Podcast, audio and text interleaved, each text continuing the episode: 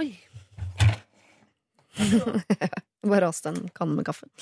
Eh, I dag har vi jo eh, opplevd det vi noen ganger opplever i Lørdagsrådet, at en rådgiver plutselig eh, starter dagen med å kaste opp. Og er det én ting jeg har respekt for, så er det oppkast. Det kommer man seg ikke utenom. Man kan hoste seg gjennom det meste, men man kan ikke spy seg gjennom nesten noe som helst. Så god bedring til Terje Sporsem, som eh, jo ligger hjemme og spyr. Og eh, gratulerer til superreserve på eh, kort tid, Henning Rå, som da steppet inn eh, i løpet av bare noen minutter på eh, Lørdagsrådet i dag. Sammen med Erlend Elias og, og Siri Seljeseth så har vi nå sittet og gitt eh, gode råd, syns jeg, i timevis. Eh, og så har vi da eh, valgt å klippe sammen, da. Lage en slags gavepakke til deg, sånn at du kan få høre ikke bare det beste, men alt. Absolutt alt som har blitt sagt. Det skal du få lov til å høre nå. P3. Dette er Lørdagsrådet med Siri Kristiansen. På P3. P3. Lørdagsrådet som du hører på nå, er eh, kanskje Norges, ja, kanskje verdens mest dobbeltmoralske radioprogram. Eh, jeg vil jo at eh, du skal ha det bra, jeg vil at alle skal ha det bra. Samtidig så er jeg avhengig av at folk har problemer. Hvis ikke, så har ikke dette radioprogrammet noe levedyktighet. Men sånn er jo livet òg, da. Man kan ha det så bra man bare vil, og så dukker problemene opp uansett. Men noen av dem forsvinner av seg selv. Et sånt problem har jeg hatt, og det er sjalusi. Jeg forstår sjalusi, jeg anerkjenner sjalusi. Det er en veldig sterk følelse. Den er vond, den er vanskelig, den er ofte ikke så veldig rasjonell, og det er akkurat som frykt.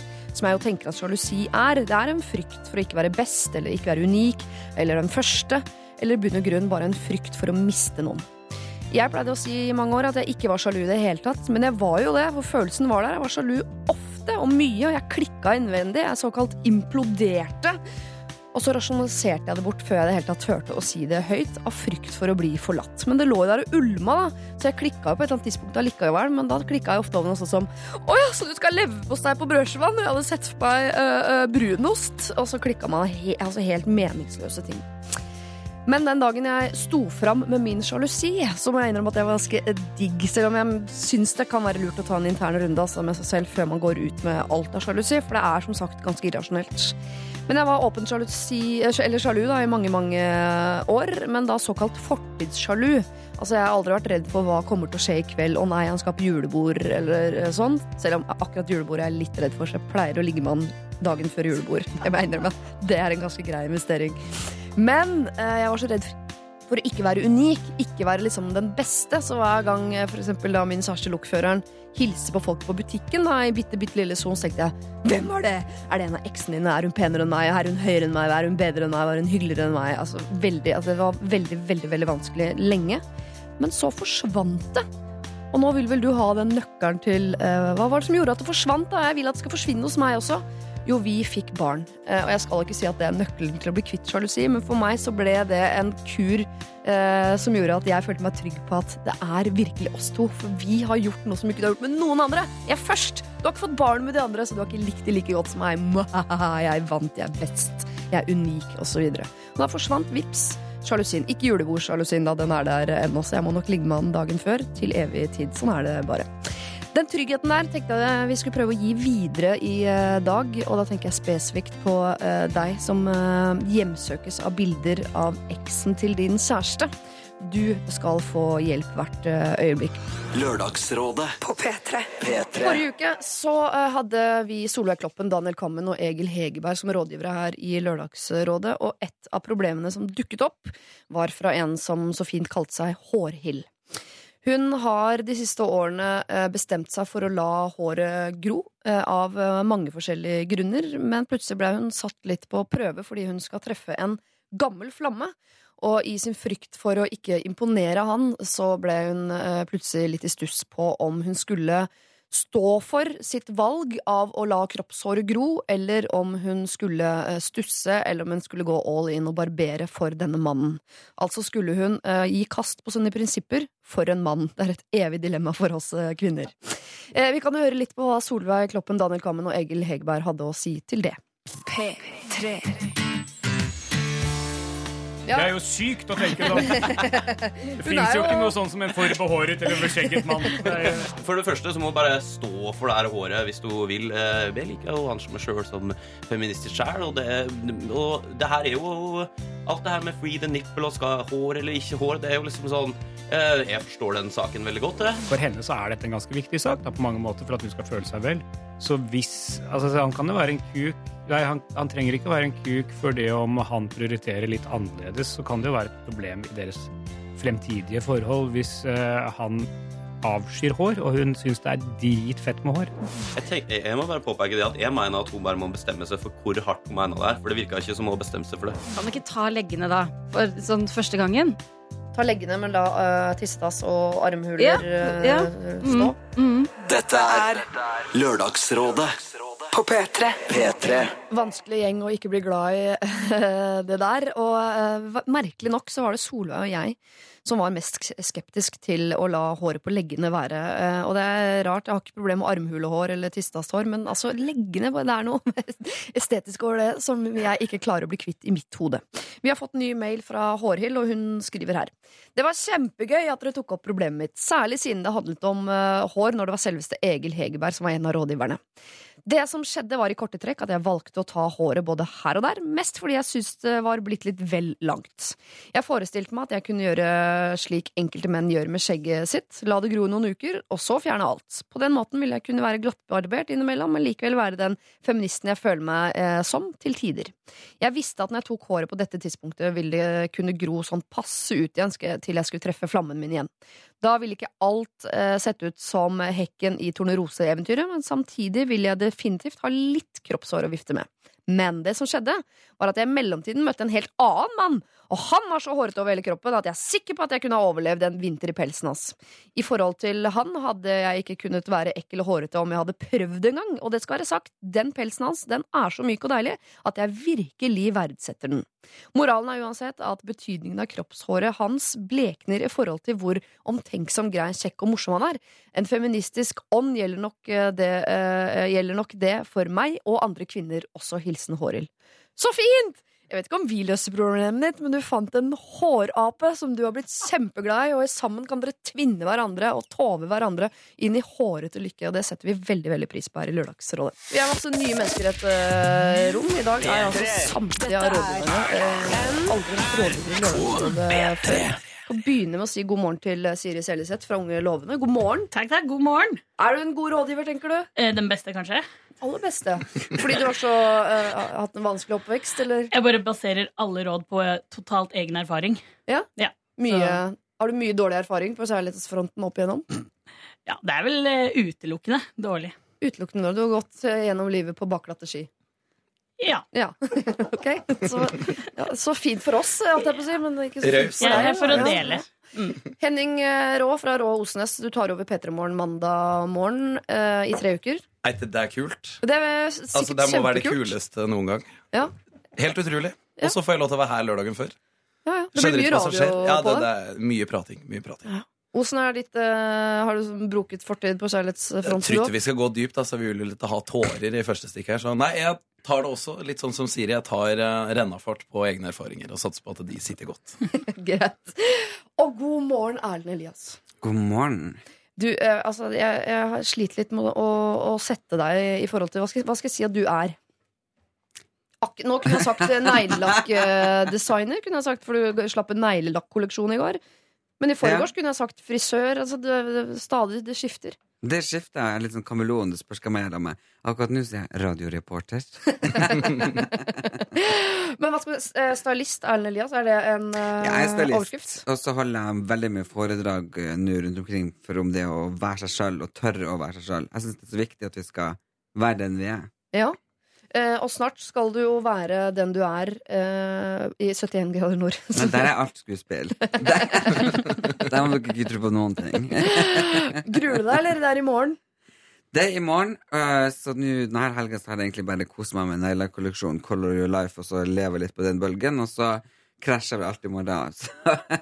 Men Kommer du til å gå i, i mental bro? Altså, må du ha, eh, må du ha hjelp i, i morgen, tror du? Ja, jeg har fått med meg en del fra Nord-Norge som kommer for å støtte opp om og ja, de samiske, som skal gi meg litt healing og Ja. meditasjon og sånn. Mhm. Det er bra. Eh, det er egentlig fint at du nevner, fordi vi skal eh, ta en runde på sivil status. Og nå eh, ligger det jo i korta hva det er for både Henning og Siri. men det aner meg at eh, alle tre i dette rommet eh, i dag er single. Men jeg spør allikevel. Sivil status eller sivil status, Erlend Elias. Alder, hvor du er fra. Hva slags type bosituasjon du har for øyeblikket. Og om du har noe som helst tilbøyeligheter mot en religion. Eh, det var så mange spørsmål på en gang. Men eh, jo, jeg er vel singel. Mm. Eh, det har jeg begynt å akseptere. Ja.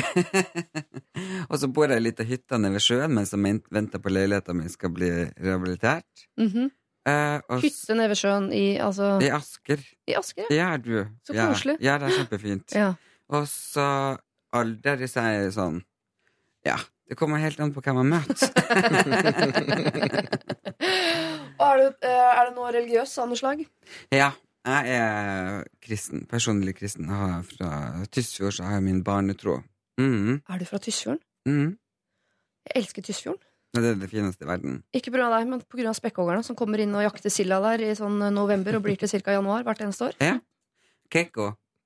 Ja, Keiko kom vel aldri dit, for han døde vel litt lenger ned Ja. på vestkysten der. et eller annet Alle vennene er der. Det er Han, sånn stunder. han drukna på en brygge nedi fjorden der et eller annet sted. Men han prøvde å komme seg dit da, for å finne mammaen og Det er på vei dit han døde, så det er trist. Uff, ja, det var litt trist, da. Siri, hva, eh, du har samme eh, rekke med spørsmål å svare på. Åh, ja. Eh, Sivilstatus ensom. Ehm, nei, nå hørtes det fryktelig trist ut. Det går veldig fint. Eh, hvor jeg bor. Bor i Ja. kollektiv Ja. eh, med to venninner. Mm. Midt i Oslo.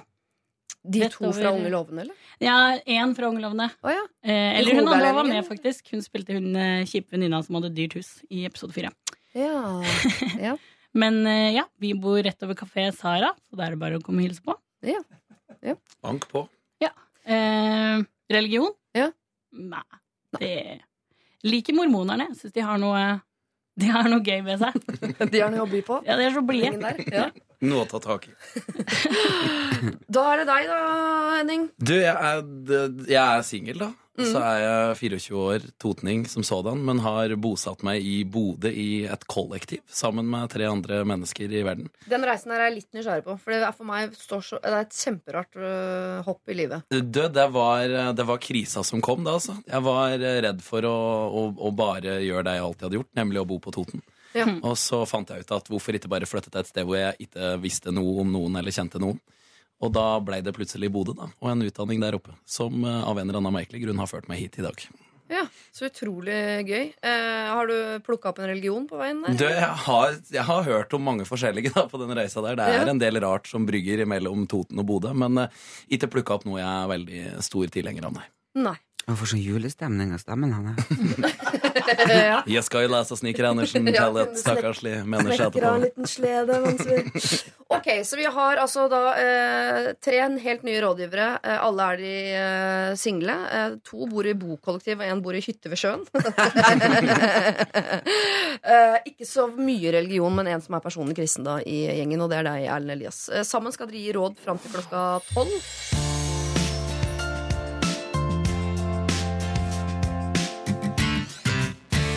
Mange år som singel fant jeg i fjor en fin og god mann, hurra. Vi har det veldig fint sammen, og nå skal jeg flytte inn til han. Vi er begge 30-åra, og har et, han har et barn på tre år, som han har mesteparten av tiden. Barnet og jeg har god og nær relasjon, så det er ikke det problemet handler om. Barnets mor bor i nabolaget, og det er jo da kjæresten min som har kontakten med henne. Alt som har med dette å gjøre, kan føles problematisk nok, det, men det går også greit. Hun virker hyggelig eh, de gangene jeg har møtt henne. Så til problemet. Ettårsbildene av barnet er en slags kollasj med flere bilder. Ett av bildene av dem alle, mor, far og barn. Etter at jeg påpekte at jeg syntes det var litt ubehagelig at det hang på stueveggen, ble bildet flyttet inn på barnets rom. Jeg er relativt ofte inne på barnets rom, da jeg jo legger han når eh, jeg er der. Og det stikker litt i meg hver gang jeg ser det bildet, selv om jeg føler meg trygg eh, på at ingen av dem vil tilbake til det. Samtidig er det barnets mor, og det er jeg jo klar over at jeg må godta. Er det egoistisk av meg å kreve at bildet fjernes nå som jeg skal flytte inn? Jeg kan gjerne ha bilde av barnet på veggen, altså, og det kan godt henge hvor som helst for min del. Hilsen Nora. Altså, eh, skal eh, Nora kreve nå, når hun flytter inn sammen med kjæresten sin, at han fjerner et bilde fra barnets rom hvor en mor er representert? Hva tenker du, Siri? Å, Nora. Nora, Nora. Nei, det går, det går jo ikke. Det er, eh, det er eh, Det bildet skal henge der og minne deg på at du var for seint ute til å være den første. Og det er en straff? Det er, det er Ja, jeg tror det. Hvis du venter så lenge eh, som til slutten av 30-åra, eh, og du blir sammen med noen som har barn Min far eh, tror det var tre koner jeg har vært gjennom. Det henger bilder av alle på veggene. Ja. i bare hus. Jeg tror bare ikke det går an å liksom si mm, eh, at man skal ta det ned, som hun sier selv. da. Det er jo mora til ungen. Her er det snakk om størrelse på bildet, tenker jeg. altså. Her, eh, hvor stort er det bildet her? Jeg, jeg må ha centimeter, jeg må ha nøyaktighet. Men det er en kollasj, så er det vel ganske stort, da, tenker jeg. Ja, for Kan ikke bare se på det andre? da kunne det gått an å kanskje finne en erstatning som kanskje ikke var i det samme formatet. For jeg tror også kanskje jeg kunne kjent litt på den provokasjonen da, og møtt det fjeset hvis det på en måte var på størrelse med en vanlig kropp. Altså det var At det er helt- én til én, ja. Mor er en til en ja, på rommet der. Da er det litt slitsomt, kanskje, hvis det er eh, den størrelsen. Da kan jeg på en måte se det, for da er det veldig sånn Du må hver gang, da. Og da tenker jeg at da går det utover noe til slutt, siden hun tydelig har latt det her gå inn på seg. Ja, nei, jeg vel egentlig. ikke det er noen diskusjon. Det bildet må jo tas ned, for nå er det hun som flytter inn der, og, og da er det på en måte hennes hus. Så eh, det bildet tar du og pakker opp på loftet, og så får barnet det bildet med seg når hun flytter ut, og så tar du og lager en ny eh, kolleksjon, holdt jeg på å si, men det var jo kollasj, å legge opp der med dem, ikke sant? For eh, eh, når den er hos mora, så er det bilde av eh, mora og ungen, og når den er hos faren, så er det bilde av faren og ungen, og så kan jeg lage ny ko- kollasj med nye damer. Så det er ikke vits i å provosere og gjøre uh, hun lei seg. Nei, respekt. Ned med bildet, altså, eh, mener du, Erlend Elias. Yes. Eh, vi vet jo ikke hva far her sier, men barnet, eh, som er jo eier av dette rommet på en eller annen absurd måte, har vel ikke noen problemer med at mor er avbildet på veggen? Skal vi ikke ta hensyn til barnet her? Jo, men eh, må det, må det nødvendigvis da stå oppe, tenker jeg? Altså, Jeg er jo fortsatt på den middelveien med at jeg lurer på størrelsen på det bildet her, og hvor stort er det det her? Jeg kommer ikke til å svare på det uansett hvor mange ganger du spør. Kan det her ikke. være i et fotoalbum, liksom? Kan det her være Ja, i en litt mer skjult Altså, Kan barnet fortsatt få ha det hyggelige familiebildet, men kanskje ikke da stående framme sånn at det må stå i glaninga for, uh, for stemor? Jeg tenker Når hun går og legger det barnet, så er det jo barnet så lite allerede.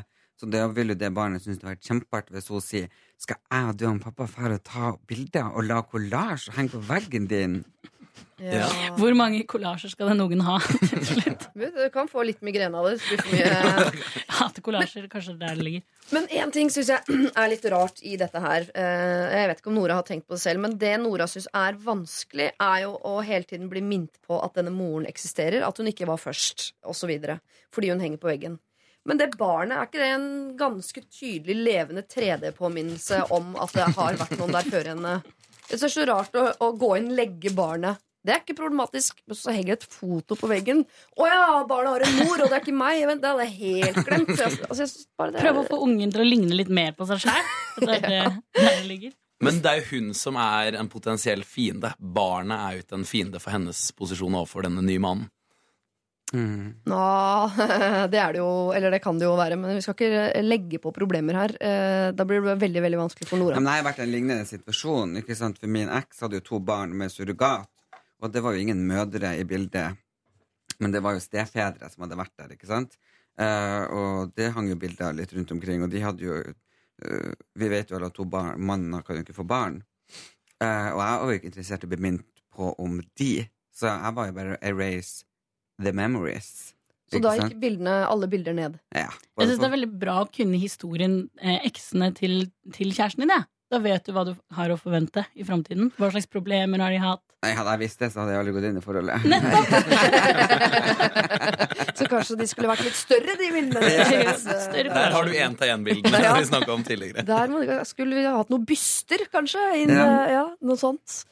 Ja, eh, jeg vet ikke, jeg, Nora. Jeg lurer på eh, om du kan flytte det der eh, bildet inn i et fotoalbum. Fordi eh, vi får jo ikke sletta det bildet, eh, men det trenger kanskje ikke å henge på veggen som en evig påminnelse for henne. Det blir ikke noe god stemning hvis Nora skal være sur hver gang hun går inn og legger barnet. Og så syns jeg det er en kjempegod idé, Erlend Elias, at de sammen går til fotografen og tar egne bilder.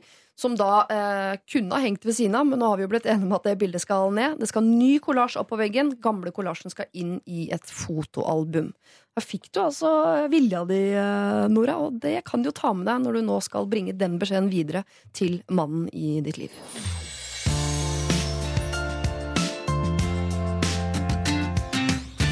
Igala med sin Sweet Lovin' her i Lørdagsrådet. eh, Som jeg jo etter hva jeg kan forstå eh, det ikke er så mye av i livene til noen av dagens eh, rådgivere, bare for å gni det inn. Kan hende vi er veldig hemmelighetsfulle. Ja, Henning Råd, Raa, du bor jo i Oslo for tiden fordi du skal lede P3 Morgen de neste tre ukene. Så du har jo en ungkarsleilighet i sentrumsnært Ja. her i Oslo sentrum. Bare noen steinkast fra sitter Ja, Der kan det jo dukke opp noe sweet Lovin' de neste tre ukene, vil jeg tro. Hvis du orker, da. Hvem veit? Hvem vet? Og det er mye som kan skje på tre uker. Siri Seljeseth, du bor i bokollektiv med to andre jenter. Det er jo sånn type ting alltid litt vanskelig. Fordi de andre blir sure. De andre blir, ja, Og så har vi veldig tynne vegger, så det er ikke noe stas. Men dere har dører. For jeg vet at det er noen bokollektiv som ikke har dør inn til soverommene. Er det det? Ja. Er det fortsatt det? Ja. Har de sånne eh, perler som henger i, Det tror jeg. i snor? Ja. Mye åpne løsninger også. Jeg har Ja. vært i enkelte kollektiv hvor det er åpen løsning. Så du kan liksom Nesten sånn som på sånne fellestoaletter. Ja, men jeg kan kunne tenke meg å ha det på badet, High five faktisk. over. Ja. Fordi badet åh, Tenk når du dusjer og du føler at du står egentlig ute i naturen omtrent. Ja, det hører- det er sikkert deilig for folk som er glad i naturen. Eh, apropos det, Erlend Elias, du er også rådgiver i dag, og du har jo antageligvis blitt mer glad i naturen etter at du ble tvunget gjennom deler, eller hele 71 grader nord. Mm. Mm. Har du blitt, at jeg bor i hytte nå. du bor jo i hytte nå, Ja. det er sant. Dere, vi skal ta et uh, litt betent problem. Her har vi faktisk både med uh, etikk, moral, kjærlighet, men også Norges lover å gjøre. Så her gjelder det å holde tunga Oi. rett i munnen. Kristoffer skriver Jeg er en gutt på 23 år som lever i skyene om dagen. Jeg har virkelig møtt kvinnen i mitt liv. Jeg har aldri følt så sterkt for et annet menneske, og vi klikker på alle områder. Vi går turer i fjellet, vi lager mat sammen og har fantastisk sex. Hun har en humor som jeg kun trodde fantes på film, men det er ett skår i gleden. Jenta er bare 15 år. Jeg vet at det høres helt sykt ut. Det er jo ikke lov. Men da jeg møtte henne, visste jeg ikke om dette, og det er heller ingenting ved henne som kan avsløre det. Hun har flere forhold bak seg enn jeg har, og får jenter jeg sender til å virke som dølle bimboer i forhold. Hun hjalp meg med en delinnlevering på master eh, forleden, og jeg har aldri fått så gode tilbakemeldinger før. Det er ikke så rart, hun er mye smartere enn meg. Hun har møtt foreldrene mine, som selvsagt ikke vet noe om alderen hennes, og de elsket henne. Men jeg er redd for hva folk vil si om dette. Hva hadde dere sagt? Jeg håper ikke det er nødvendig å nevne at jeg ikke er pedofil. Den jenta utstråler kvinnelighet. Jeg har aldri engang kysset en yngre jente før dette, bare så det er sagt. Hilsen Kristoffer. Han er ute etter hva vi hadde sagt, så sånn i første gang trenger vi kanskje ikke å ta så mye hensyn til Norges eh, lover. Men vi må nok bringe det på bane på et eller annet tidspunkt. Her må jeg være eh, beinhard og sagt at her hadde jeg måttet tatt på strenge fjes og strenge stemme. Altså. Er, hun er under 16 år, og det er allerede blitt eh, tatt opp ting man ikke skal kunne bedrive med en så ung kvinne da, og det hadde blitt den samtalen. Utvilsomt. Jeg hadde ikke klart å lagt det til side for all hans lykke inn i den pakka her. Så om du hadde vært kompisen til Kristoffer eller faren hans, eller hva som helst, så hadde du sagt eh, dette Kristoffer, er faktisk ikke greit. Det er faktisk ikke lov. Jeg tror man måtte bare ha begynt der og sagt det som det er. Men det vet han jo. Ja, ja nei, Det hadde vært en tøff samtale mellom meg og Kristoffer. Jeg sier ikke at det hadde vært enkelt. Men vi måtte ha gått den runden og, og, og funnet en slags eh, En måte å forsones på der som gjorde at man kunne holde seg eh, unna den slags til det var faktisk lov. Og så kunne man begynt å se på alle de positive fortennene som blir nevnt her. Siri, du har jo i likhet med meg vært 15 år gammel jente en eller annen gang. Ja. Eh, Har du aldri liksom latt deg friste av de der gutta på De 23? på 23. Jo, eh, jeg var vel kanskje 17 eller 18 da jeg var sammen med en på 23. Så kanskje de kunne tatt en sånn Ross og Rachel, en liten pause, Mm. til hun blir litt eldre. La henne gå i russebuksa, gjøre de tingene der, eh, og så starte opp igjen. Er det, er det et alternativ?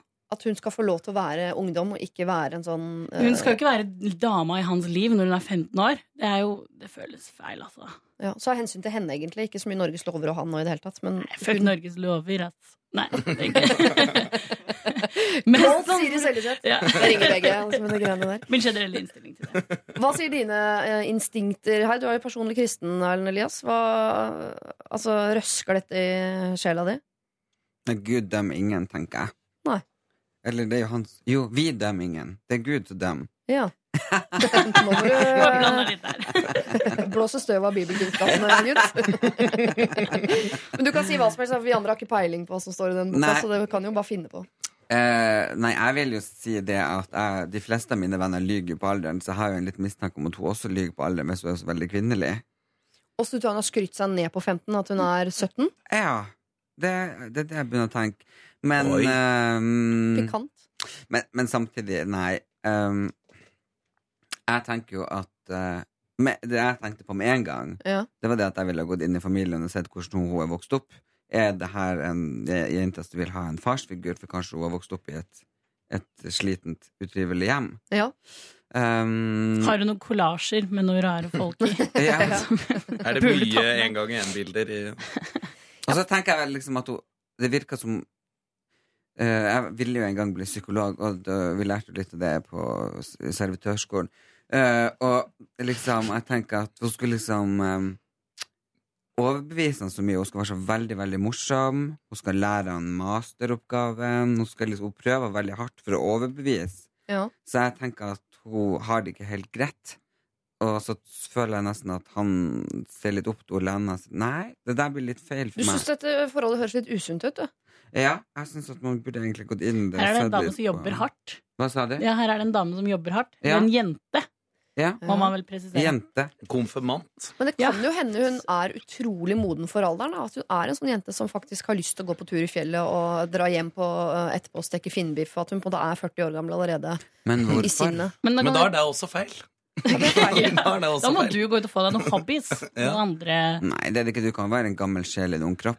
Så det er det ikke. Men jeg tenker at eh, det blir litt spesielt. Han, men samtidig, om fem år så er hun 20, og han er 27. Og da er det jo liksom ikke så stor forskjell.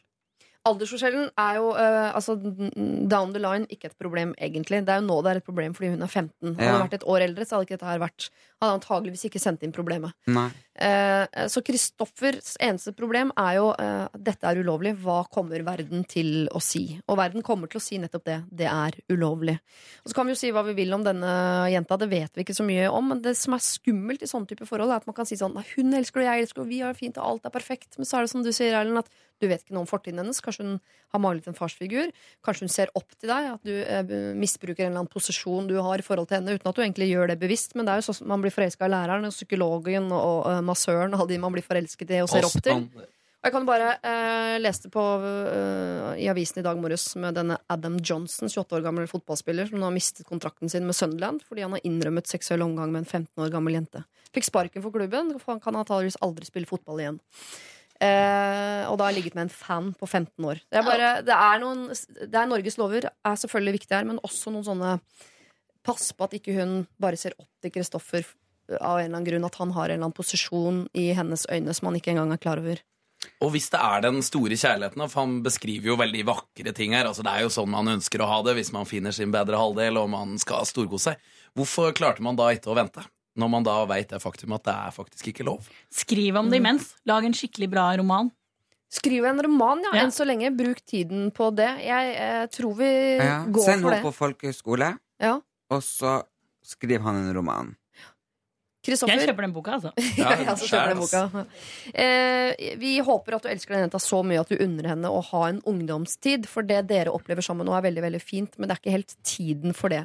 Dere kan fortsette å gå tur i fjellet, dere kan lage mat, eh, hun kan fortsette å møte foreldrene dine. Dere kan egentlig fortsette med det meste, men den fantastiske sexen, den må vi jo bare si, hilsen Ja, Norges Norge, den titel. den kan vi ikke fortsette med for øyeblikket. Det er en tittel på roman. Ja. Hengekorga. Hengekorga. Hengekorga. Hengekorga. Den kan du få gratis av Erlend eh, Elias. Bruk energien din på å skrive roman, og eh, vent til kvinnen i ditt liv er litt eldre. Lørdagsrådet med Siri Kristiansen. På P3. P3. Jeg trenger virkelig et råd fra dere, skriver Lina, 20 år. Og dere i dag er jo da eh, Erlend Elias fra nord. Så har vi Siri Seljeseth. Jeg glemte å sp Er du Oslo-basert menneske? Jeg er Oslo-basert, men jeg er eh, originalt fra Stavanger.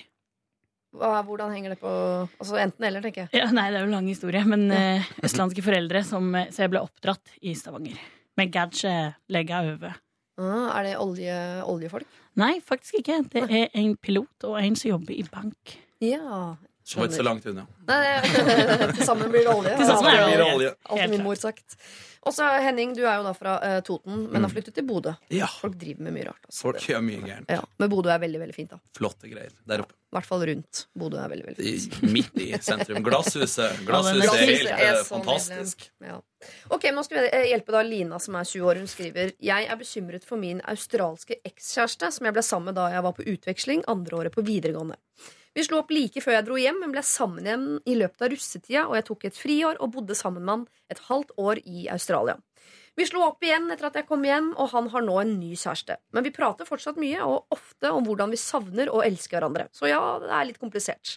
Men jeg er nå redd for at han er deprimert, og jeg vet ikke hva jeg kan gjøre for å hjelpe. Han har i flere år hatt depressive tanker, og for et par år siden drev han med selvskading.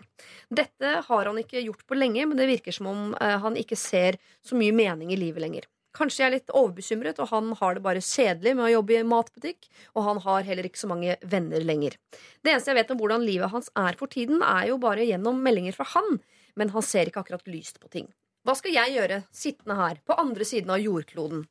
Jeg kjenner foreldrene hans godt, men jeg vet ikke om de vil forstå, heller ikke hvordan jeg skal forklare det for dem. Kjenner noen av vennene hans, men jeg vet ikke om de treffes mer, og de forstår sikkert ikke de heller. Han har jo da også en ny kjæreste, og de har vært sammen i seks måneder.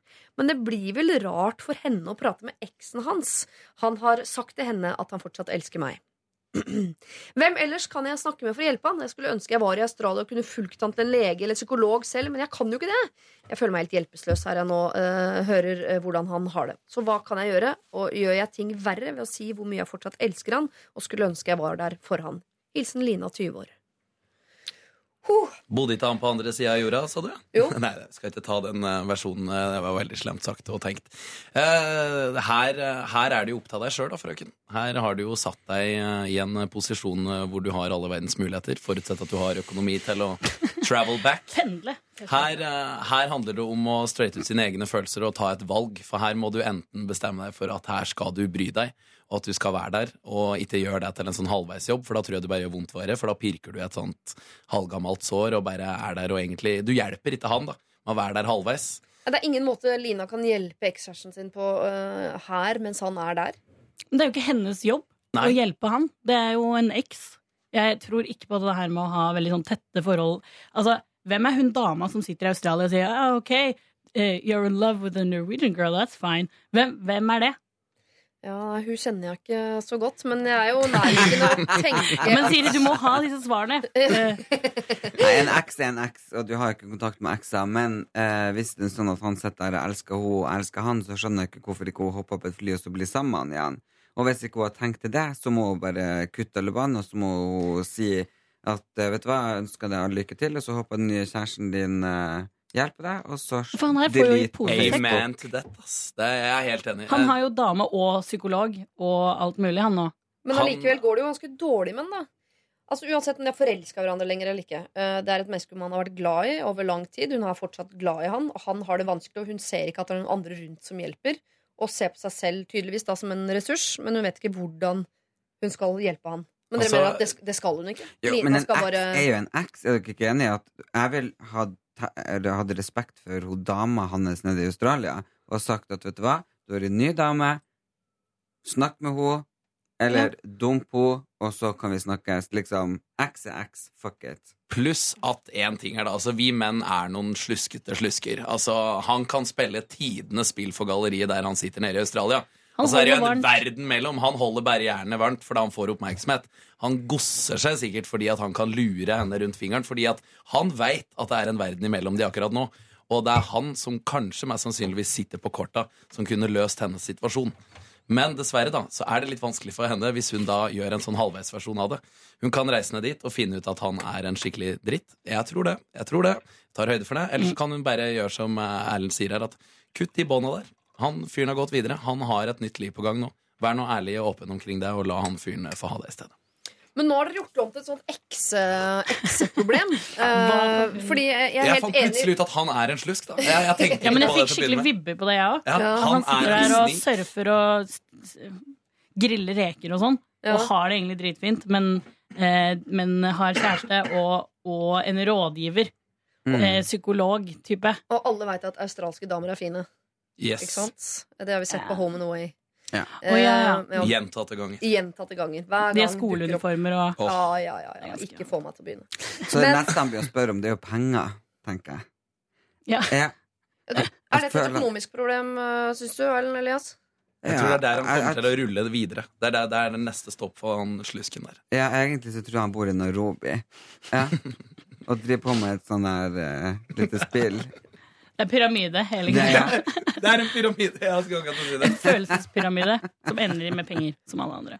Nei, men Men hun, dere, stakkar litt, for nå, eh, Vi gjør det om til et ekseproblem og vi gjør det om til et økonomisk problem. Men eh, eh, glem Australia, glem han og, og eh, glem egentlig alt. Eh, se om vi kan finne noen råd i forhold til eh, Du har en du er glad i, uansett om det er en venninne eller en familiemedlem eller hva det måtte være, som har psykiske problemer, og du vet ikke helt hva eh, du kan gjøre for å hjelpe til. Hva gjør, man, hva gjør man for å hjelpe en som har psykiske det finnes kun to options her. Ja. Enten så setter hun seg på et fly, så reiser hun ned, så ser hun om hun kan erobre han og bli sammen med han igjen og hjelpe han. Eller så sier hun, vet du hva, det er ditt liv, du har en ny kjæreste, slutt å plage meg. Ferdig. Kan hun Ja. spørre rett ut om man er deprimert, om man trenger hjelp, og i så fall komme med noen eh, forslag til hvem man kan søke hjelp hos, som ikke er henne? Tror du hun kjenner helsesystemet nede i Australia? Nei, men, eh, Hun er 20 er- år. Men hvis Line er det eneste positive i hans liv for øyeblikket, det er hun som Men holder ham han flytende liksom, i dette vanskelige eh, livet han har for øyeblikket, så skal hun på en måte eh, kutte Lina og si 'lær deg å svømme', eller? Jeg syns at det er en enten-eller. Ja, altså, for det, det handler altså, Hvis du skal bry deg om noen, da, så kan du jo aldri bry deg halvveis. Det er jo helt elendig gjort. Har du noen som sliter, og du vil bry deg, så må du jo ta den 100% for deg der, og så må du bare gjøre alt du kan. Riktignok så har kanskje hun som er 20 år, da ikke alle svarene i livet allerede på hvordan hun kan hjelpe ham best mulig. Men hva Men er alt du kan? Er du også da om bord på dette flyet ned til Australia? Ja, hvis hun ikke finner en magisk måte å hjelpe med en verden imellom, så Men det er vi som skal finne den magiske måten på hvordan vi skal Den hjelpe med en den, verden har jeg imellom. den har jeg til foruten en enten-eller. Det er det, er det Men mener du også som Erlend Elias at hun da eventuelt må bli sammen med han igjen, hvis hun bestemmer seg for å, å redde han? Det syns jeg ikke er en nødvendighet. Men, eh, men hvis hun er så besatt av den tanken på at hun vil hjelpe, Mm. så tror jeg at hun innerst inne da veit at det mest riktige hun kan gjøre, er å reise ned dit og faktisk hjelpe fyren. Hvis det er på en måte Hvis, det- den, altså hvis det er en håpløshet som hun føler på. Men da er det jo at han må gjøre slutt med den dama han har. Han kan ikke si til dama der nede at Hei, nå kommer eksen min fra Norge og, hjelper meg for at du er en så dårlig kjæreste at du ikke klarer å hjelpe meg her. Det blir kleint. Det blir kleint. Men nå, det nå, er nå var det det er for den oppvekkeren hun trenger, hun dama som faktisk er til stede, og som er kjæresten hans, og som er den magiske uh, hjelpemiddelet vi Jeg kanskje syns faktisk det er henne hun må ta kontakt med. Ja. Uh, Ja. Og si at eh, han som du er sammen med nå, han sier til meg hele tiden at han har det helt forferdelig, og at han elsker meg. Eh, jeg kan ikke gjøre noe med det. Jeg sitter i Norge. Kanskje det er her du må step up. Kan vi Mm. stryke den, og han sier at han elsker meg, men bare sier du er sammen med en fyr nå eh, som har det veldig veldig vanskelig. eh, jeg får ikke ro før jeg vet at, at dere jobber ville- med dette. Eller? Den der elskegreia altså Jeg ville fortsatt følt meg ganske dårlig som kjæreste hvis noen andre ringte meg og sa du, kjæresten din er veldig deprimert. Da føler du deg jo ikke så veldig inkludert i det livet uansett. Nei. Den skaden skjer uansett i det, i det sekundet den samtalen finner sted, tenker jeg. Men det er jo ikke ett et menneske kan jo aldri Og det er litt mørkt, kanskje, men, Men det er jo et menneske kan ikke redde et annet menneske. Du er må jo redde deg sjæl. Hva kan Lina gjøre? Og jeg tror at eh, Lina, du må velge om du vil opprettholde den lina, eller om du bare skal kutte den dritten der. Altså.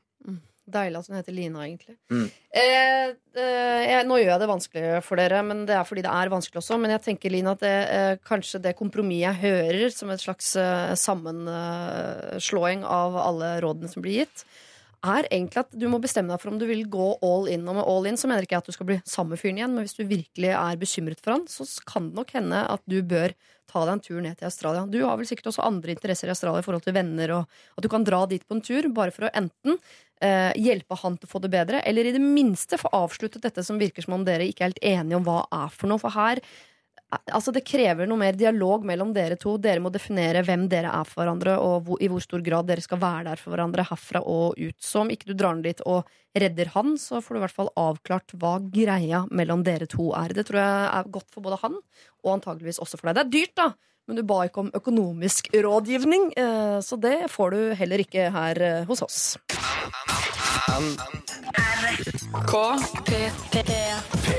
P3. Post Malone var det her eh, eh, på eh, NRK P3. Eh, White Iverson heter altså låta. Jeg er, Jeg stotrer litt i dag, folkens. Jeg vet ikke hva det er for noe. Eh, kanskje jeg startet dagen min litt annerledes i dag enn jeg pleier å starte dagen. Ja, hva er jo- gjorde du da? Jeg tok eh, tog inn til Oslo istedenfor å, å kjøre bil, som jeg jo vanligvis gjør på lørdager. Så da, eh, og det er jo sånn som jeg gjør på hverdager. Så for meg i dag er det sånn tirsdag eller Kollektivtransport Ja, kan være stressende. liksom. Ja. Kan være stressende med tog. Jeg opplever jeg ofte å bli veien, sett på. Oh, ja, okay. Sov hele veien. Sikkert med Så det var ikke noen du møtte der, eller? Ja, det vet jeg jo ikke, da, for jeg sov. Våkna du litt brått, kanskje? Våkna du litt brått? Jeg er ofte på tog at det er sånn Nå er jeg på feil stasjon. Jeg våknet av at eh, de sa fra at man var på Oslo S, ja. ja, Det er jo ikke noe god følelse, Nei, egentlig. Eh, Men, men. Jeg, tror jeg skal klare å, komme meg gjennom dette her fram til klokken tolv. Kan jeg skyte inn en kort greie der? Ja. Sist gang jeg kjørte tog fra Toten til Oslo, Ja, så ble jeg, det tar en time og 30 minutter cirka. Så ble jeg vekt av en fremmed dame som tok på meg og sa 'nå er vi i Oslo'. Mm. Og det var veldig skremmende. Å, At det plutselig sto en voksen eh, dame som plutselig bare rista liv i meg. Altså det, jeg følte det som at det her var en dramatisk situasjon. Men tok hun på deg, eller ristet hun livet i deg? Hun, hun tok på meg først, og så Ja. er jeg, jeg, jeg i går i sånn, eh, sånn rundt brystet, Ja, for du krummer hånden når du sier 'tok på', så jeg er Ja. på det er bryst eller pung. Jeg, jeg har ikke såpass fyldig at det, det, er, det er ikke noe håndfull å få has på, men hun dytta liksom litt i meg først, og så kom jeg litt av liv. Og så tok hun liksom En munnfull, bare. Munnfull, bare. Det holder lenge, det, altså. ja. Vel, privat info om eh, Henning eh, der, Ja, som vi tar en med oss håndfull eh, skulder der, altså. Videre. Men du tok i hvert fall ikke fly. Ikke sant? Jeg Tok ikke fly hit i dag, nei. Da hadde jeg ikke vært eh, blant oss lenger. eh, ok, dere. Kjære Lørdagsrådet, står det her eh, på toppen av en mail som jeg nå skal eh, lese. I fjor ble jeg ferdig med bachelorgraden min i Oslo. Livet i Oslo var helt supert, men jeg bestemte meg for å flytte hjem til hjembygda mi for eh, to år for å realisere drømmen om å starte opp en bar eh, eller et møtested. Hjembygda mi har for øvrig kun én bar og er ikke noe særlig utested for yngre voksne 20-30. Hjembygda mi har også fått mye inter internasjonal oppmerksomhet i det siste, så oppstart av ny bar sommeren 2016 passer veldig bra. Siden det er mye tid mellom juni 2015 og juni 2016, tenkte jeg at jeg ville oppleve verden i mellomtiden. Så fra juni til november jobbet jeg med å realisere drømmen, for så å dra til Kina i tre måneder for å lære meg mandarin. Nå, førstkommende mandag, drar jeg hjem til Norge og til bygda mi for å fortsette det påbegynte arbeidet med bedriften. Problemet er bare at før jeg dro til Kina, så syntes jeg livet var veldig deprimerende. Jeg forsto at det å starte opp egen bedrift som 23-åring uten erfaring, ingen øh, verken uteliv eller oppstarting av bedrift, er ufattelig tungt. Jeg vil absolutt kalle meg selv hardtarbeidende, men dette prosjektet vil antageligvis ikke gi meg muligheten til å ta fri eller ferie på to år, og den tanken gjør litt vondt nå. Jeg har fremdeles lyst til å oppleve mer av verden, og frykten for at ideen øh, vil floppe og tape mye penger, har også startet å vokse. Så hva skal jeg gjøre? Skal jeg følge drømmen min, selv om det kan bli flere sure dager enn fine dager? Stå på og håpe at den beste ge- gevinsten, altså at jeg til slutt har oppnådd noe jeg har arbeidet lenge og hardt for? Eller dra tilbake til det behagelige livet i Oslo, hvor venner og kjæreste venter? Et alternativ som frister, men som også vil være et nederlag og en skuffelse. Det må nevnes at det er ikke en mulighet å kombinere begge deler, da Oslo og bygda mi er for langt unna hverandre. Jeg takker alle for gode svar og innspill. Hilsen Ina i Kina. Kina er jo irrelevant her, eh, egentlig. Så det er jo litt unødvendig altså, å ta den svippturen innom Kina, men uh, hun står nå i et veiskille hvor hun enten kan dra til Oslo, det behagelige livet, venner og kjæreste, eller dra til hjembygda si og fullføre dette prosjektet sitt om å starte et utested. Ja. Ja, For det var ikke alternativ å bli i Kina? Det Nei, ikke sant. Kina er ikke et alternativ. Var en, vi var bare en Som et ferie bilde der. på at hun følger drømmene sine. da Hun skulle bare lære seg appelsin. Hun skulle bare lære seg appelsin. Appelsin. Jeg føler alltid Når man sier man har en drøm, eh, og så gjør man ting for å komme dit, så finner man noe annet på den veien. Og det høres jo litt ut som hun har gjort nå. At eh, Hun tenkte hun skulle starte denne baren, ta litt fri, reise litt. Og så når hun gjorde det, så virker ikke den baren så sinnssykt fantastisk lenger, da. Nei. Det høres jo ikke ut som det er drømmen, faktisk, lenger. Og da tenker du at hun skal gi den opp? Ja. ja. Det er lov, det. Ja, syns egentlig det. Jeg tenker, Og så tenk hva slags uh, marked hun har tenkt å begi seg ut på her. Altså barbransjen. Altså La oss være ærlige, det er ikke eh, rosenrødt med mindre du ikke er ekstremt heldig. Og, og ikke minst at det er veldrevet. Og hvis hun da er uten erfaring i tillegg, så høres det ut som et risikoprosjekt fra helvete. Ja, Hvis hun bare har sånn litt lyst til å drive bar, så tror jeg at du skal ikke gjøre det. Og hun har ikke engang begynt! Altså Hun har jo ikke engang starta på det. Nei, men jeg syns det er et fantastisk eh, tilbud for eh, den Det høres ut som hun kommer fra en liten plass, eh, og at det ikke er noe tilbud der i det hele tatt, og at hun har lyst til å gjøre noe for bygda. så tror jeg det vil tilføre henne utrolig mye. Og nå har hun vært i Kina, og mye stress og mas og i det hele tatt. Og da er det sikkert litt sånn OK. Og, og jeg tror jo det at at hun har vært i Kina i tre måneder, så er det kanskje litt godt å komme tilbake til Oslo for å ha kjæreste og venner, og liksom at det er en easier way, ikke sant, og så kom enn å dra hjem. Men jeg vil absolutt anbefale å dra hjem og starte en barn. Og veien blir jo til mens du går, ikke sant, og hvis du ikke trives, så er det bare å pakke bagen og dra tilbake til Oslo. Det er jo ikke noe nederlag. Og det høres jo ikke ut som store kostnader heller å starte med barn. Hun har jo sikkert lokale og fram og tilbake. Så jeg ville i hvert fall gjort det over sommeren og sett, og så vil dere være der, så får hun sikkert noen til å ta over den til høsten. Men det har i hvert fall de unge den muligheten til å ha en plass å henge. Ja. Så eh, jeg vil absolutt anbefale Ina til å reise hjem og, og gjøre det her for bygda si. Det kommer de til å bli evig takknemlig for. Og eh, jeg ville ha vært superhappy hvis Ina kom til bygda mi, der det bor 250 stykker, og laga en bar. Og dårlig uteliv i Tysfjorden, altså, så vidt jeg kan huske. Ja. Jeg var der, i hvert fall. Satt aleine i sånn overlevelsesdrakt og så på Spekkhoggerfilmer en hel helg. Men hvor gammel, hvor gammel var hun nå, Ina? Eh, Ina sier uh, at hun er 23 år. Ja, Så hun hadde en drøm om å starte en bar når hun var 1920. Ja. Alle hadde jo det. Jeg skulle i hvert fall åpne min egen bar. En ska-fusjon med punk, med konserter og quiz samtidig. Em, det ble Ja. jo ikke noe av det. Nei, men jeg tenker hvis, hvis alle med den drømmen gir opp straks man kommer på de utfordringene For det er jo ikke noe sånn at det fins en drøm der med en sånn helt sånn uh, vaska sti hele veien fram. Det kommer noen utfordringer. i hvert fall, Jeg vet ikke hvordan det er med dere, men for meg, nesten uansett hva jeg arrangerer, om det er alt fra barnebursdag til uh, større fester, så noen dager i forveien der, så gruer jeg meg og tenker sånn ah, Vi driter i det, vi dropper hele greia. Og, altså, det Mm. blir jo bare kjedelig og rotete og mas og folk og så jeg tenker, Hvis alle skal holde på sånn, Det blir det jo ingen barer, da. Det er jo en følelse man kjenner seg igjen i. Jeg er jo også fra bygda og vet jo absolutt at det hadde vært superbra hvis jeg hadde fått klart å starte opp og begynt på noe, på noe nytt der. Absolutt. Men uh, til slutt da på denne visa her så må det være forsvarlig overfor deg sjøl òg, for det er deg sjøl du må leve med resterende av de åra. Så det må jo være en følelse som du veit at stemmer overens med altså, din egen lyst. da. Ja, det er veldig kult, og, og, og det er masse man kan gjøre for bygda si. Det er masse ting man kan bidra på som man kan arrangere uten at man skal måtte putte livet sitt i en bar for at Ja, det skal kunne bli realisert Det er jo ikke livet ditt i en bar, det er bare for en liten begrensa periode. Du kan jo være her tre måneder over sommeren og gjøre det, og så stikker du. Det er det jeg tenker liksom alle liksom sånn Å, gud, vil ikke gjøre det for resten av livet. Nei, nei. Herregud, jeg er foredragsholder, plutselig så er jeg stylist, og så er jeg makeupartist, og så er jeg radioreporter, og så Ikke sant? Jeg tenker at man må bare leve det livet man har, så absolutt stikk opp, lag den barn. Er det kjedelig, så stikk du derifra. Ja, for hun sier blant annet sånn sier hun Det vil antageligvis ikke gi meg muligheten til, å ta, til å ta fri eller ferie på to år. Og den tanken gjør litt vondt. Og det skjønner jeg når kjæresten din og venner er i Oslo og, og du er ung og, og du har nå fått smakt på det søte mandarinlivet i Kina osv. Klarer du å drive en bar i to år, så er du jo også helt rå. Altså, Hvor ofte er det en bar overlever i to år som nyoppstarta på et lite sted? Nei, det er To år! ofte. ba- Altså, da kan du bare henge opp bilde av deg selv på bygda og si at du var kongen. Da greide altså. du det. Ja, ja, da greide du det. Da kan du pensjonere deg tidlig og bare tenke at jeg rocka to år en bar på det bitte lille stedet der. Jeg er kongen av verden.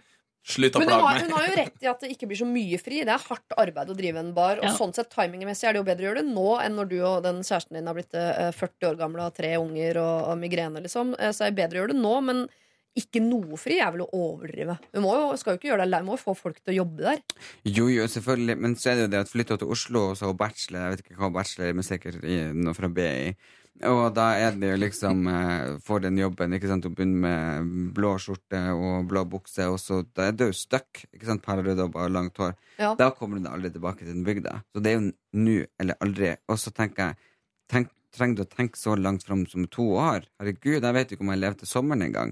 Ikke sant? Vi vet jo ikke hvor lenge vi er her. Vi må jo bare ta måned for måned og dag for dag. Tenk litt som hunder. Halvt og godt, vi går dit. Vi Ja. går dit. Ja. Her, hun må finne den følelsen i seg, altså. For det, hun veit. Hun sitter på svaret her sjøl. Hun veit om det er hjertet banker for bygda og den baren hun har planlagt å starte. Og hvis hjertet banker der, så må hun for guds skyld ikke stoppe den tankegangen. Da må hun være tøff og tørre å satse og ikke ta den enkle veien, for det er dritkjedelig, og du kommer til å angre et eller annet sted. Men hvis du allerede nå har begynt å tvile på den ideen med den baren din, så veit du som har reist til Kina og opplevd verden, at det finnes andre muligheter som du også kommer til å bli evig lykkelig av å gjennomføre. Thank you, Barack Obama. Henning for president. Uh, Ina i Kina. Ina i Kina. Dette er, hvis dette er drømmen din, så er det det du skal gjøre. Det blir ikke så grusomt som det bildet du uh, maler av det. Og blir det det, så er det lov å pakke sekken og snu. Det er, uh, det er ikke et nederlag å snu hvis det ikke er godt for deg, det du driver med. Men ikke gi opp nå bare fordi du tenker at det blir litt vanskelig, for litt vanskelig blir det. Men det er lettere nå enn om du skal prøve om noen år. Så jeg syns absolutt du skal reise til hjembygda di og starte en uh, bar. Dette er er P3. The Chainsmokers sammen med Roses. Det der var låta Roses, og før det Superfamily med The Radio Has Expressed Concerns About What You Did Last Night. Du har vært ute og røyka, Ellen Elias? Eh, Eller er det, er det, hemmelig at du røyker? Hører moren din på? Ah, unnskyld. Nei da, du har vært ute og Trukket frisk Urinade. luft. Trukket frisk luft. Urinade. Ja. Nei, la oss bare gå videre, da. Ja, med jeg det. var ute og tok Mm, mm, mm. Eh, Ja. Henning Raa, du er eh, snart aktuell eh, som vikar i P3 Morgen. Ja, Altså typ i overmorgen. type i overmorgen. Da må jeg opp. vilt. Det er helt ellevilt. Foruten om at jeg har hørt rykter om at klokka må på veldig tidlig. Og jeg er, eh, er veldig B-menneske, altså. Så det blir, det blir den tøffeste utfordringa jeg har hatt på lenge. Ja, men du vet hvor glad man er de gangene når man skal fly til Syden og må opp sånn i Otta. Altså Det er en Det unntakstilstand som gir en eller annen rar energi. Ja. Ja, det Og bra. det gikk bra i går. Ja. Eh, Det gikk overraskende bra i dag. Ja. Så jeg har trua på at jeg er inne i en god steam nå og kommer til å naile det. Og være veldig glad når klokka blir seks på mandag. Onsdag, torsdag, tredje uka der tenker jeg du begynner å henge litt med Da, da burde ingen snakke til meg. Nei. Da begynner jeg å bli et monster. Kan vi si at det er snart ny sesong av Unge lovende, Siri Seljeseth? Vi kan håpe. Ja. Jeg, jeg håper det. Jeg sitter jo og skriver på det. Mm. Og så eh, får vi se om vi får lagd det og sendt det forhåpentligvis i løpet av i år. Kanskje neste år. Kanskje neste år. Ja. Litt sånn pengegreier. Ja, alt handler om penger. Ja. Og Erlend Elias, jeg vet at vi kan si at vi snart kan se deg i 71 grader nord. Det er jo da eh, i overkant av et døgn til vi kan se det. Det er det. Så kan dere komme på Skjønnhetsmesse på Lillestrøm i dag og se meg stå der og vise nye neglekolleksjonen min som heter Color Your Life. Ser en nå, den er veldig fin. Skjønnhetsmessa. Skjønnhetsmessa på Lillestrøm? Der har jeg det. Og så kommer jeg med mye nytt og skal reise rundt og holde masse foredrag for unge, Lovende. lovende mennesker om det å tørre meg, å være seg sjøl. Ja. Ok, nå skal vi treffe en vennegjeng dere som har sendt inn eh, en eh, mail til oss på morgenen i dag hvor det står Når vi har fest i vennegjengen vår, er det et par som alltid forsvinner inn på soverommet, badet eller gjesterommet til vertskapet en stund. Det er jo helt åpenbart hva de gjør der inne. Er det egentlig greit å ha seg i sengen på badet på gjesterommet til venner? Jeg syns jo egentlig ikke det selv. Er det for mye å forvente at de venter med det til de kommer seg hjem igjen? Med vennlig hilsen vennegjengen. Har de DNA-bevis på hva som har foregått? Mm, nei, jeg tror det er mer sånn Mulder and Scully-bevis i denne, denne saken De har her. hørt det. De har hørt det og føler seg De det. de har sett noe, på en måte. ja. Hvor gammel er de? Det står ikke, men jeg tipper at de er i de tidlig 20-åra, da. Men bor de i lag? Ja, ja det er, jeg tror det er et uh, bokollektiv, ja. Og så har de noen da, når de har fest, så er det et par som alltid ikke klarer å holde seg til de kommer hjem. For de bor i lag? Det venneparet? Ja? Eh, det er sikkert. De får i hvert fall lov til å overnatte hos hverandre, så de har andre steder å knulle. Hvis det er det du lurer på.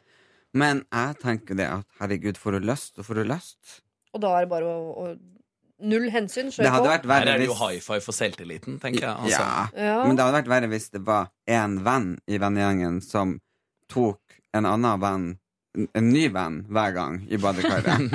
Det ville vært veldig det ville, ja. Så hvis det er samme, så tenker jeg herregud, hvis det er liksom noen ting som de syns er gøy, så syns jeg det er helt greit. Jeg tror egentlig den som skriver inn her, er sjalu. Ja, eller misunnelig, da. Misunnelig for at han, og, han eller hun eller hvem det er som skriver, også har lyst til å ha seg.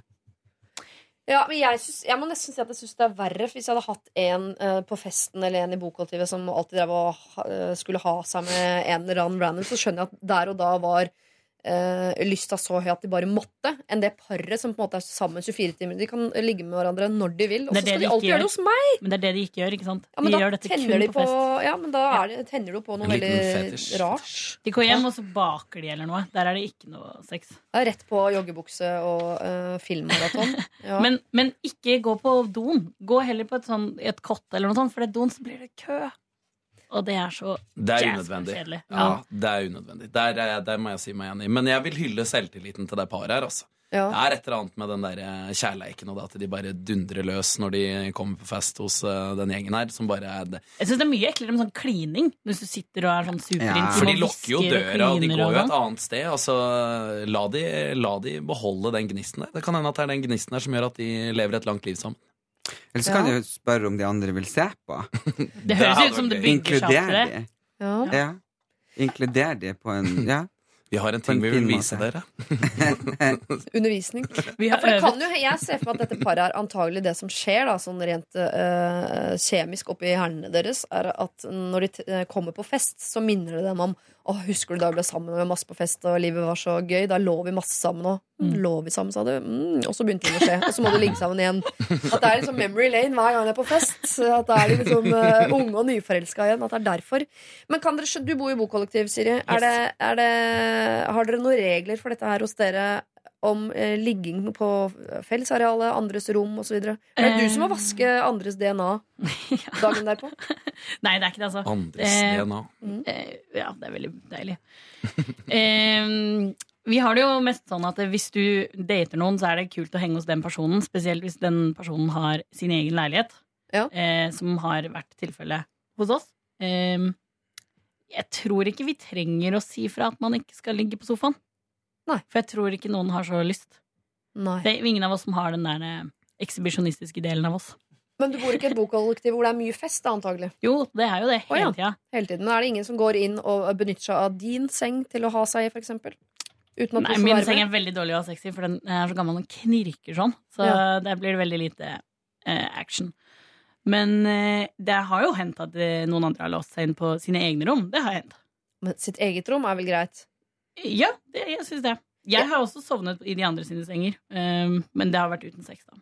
Ja. Det er ikke så mye avfallsstoffer ved soving som det er ved Jeg vet ikke, ass. Det er jo i tilstanden. Ja. Men eh, nei.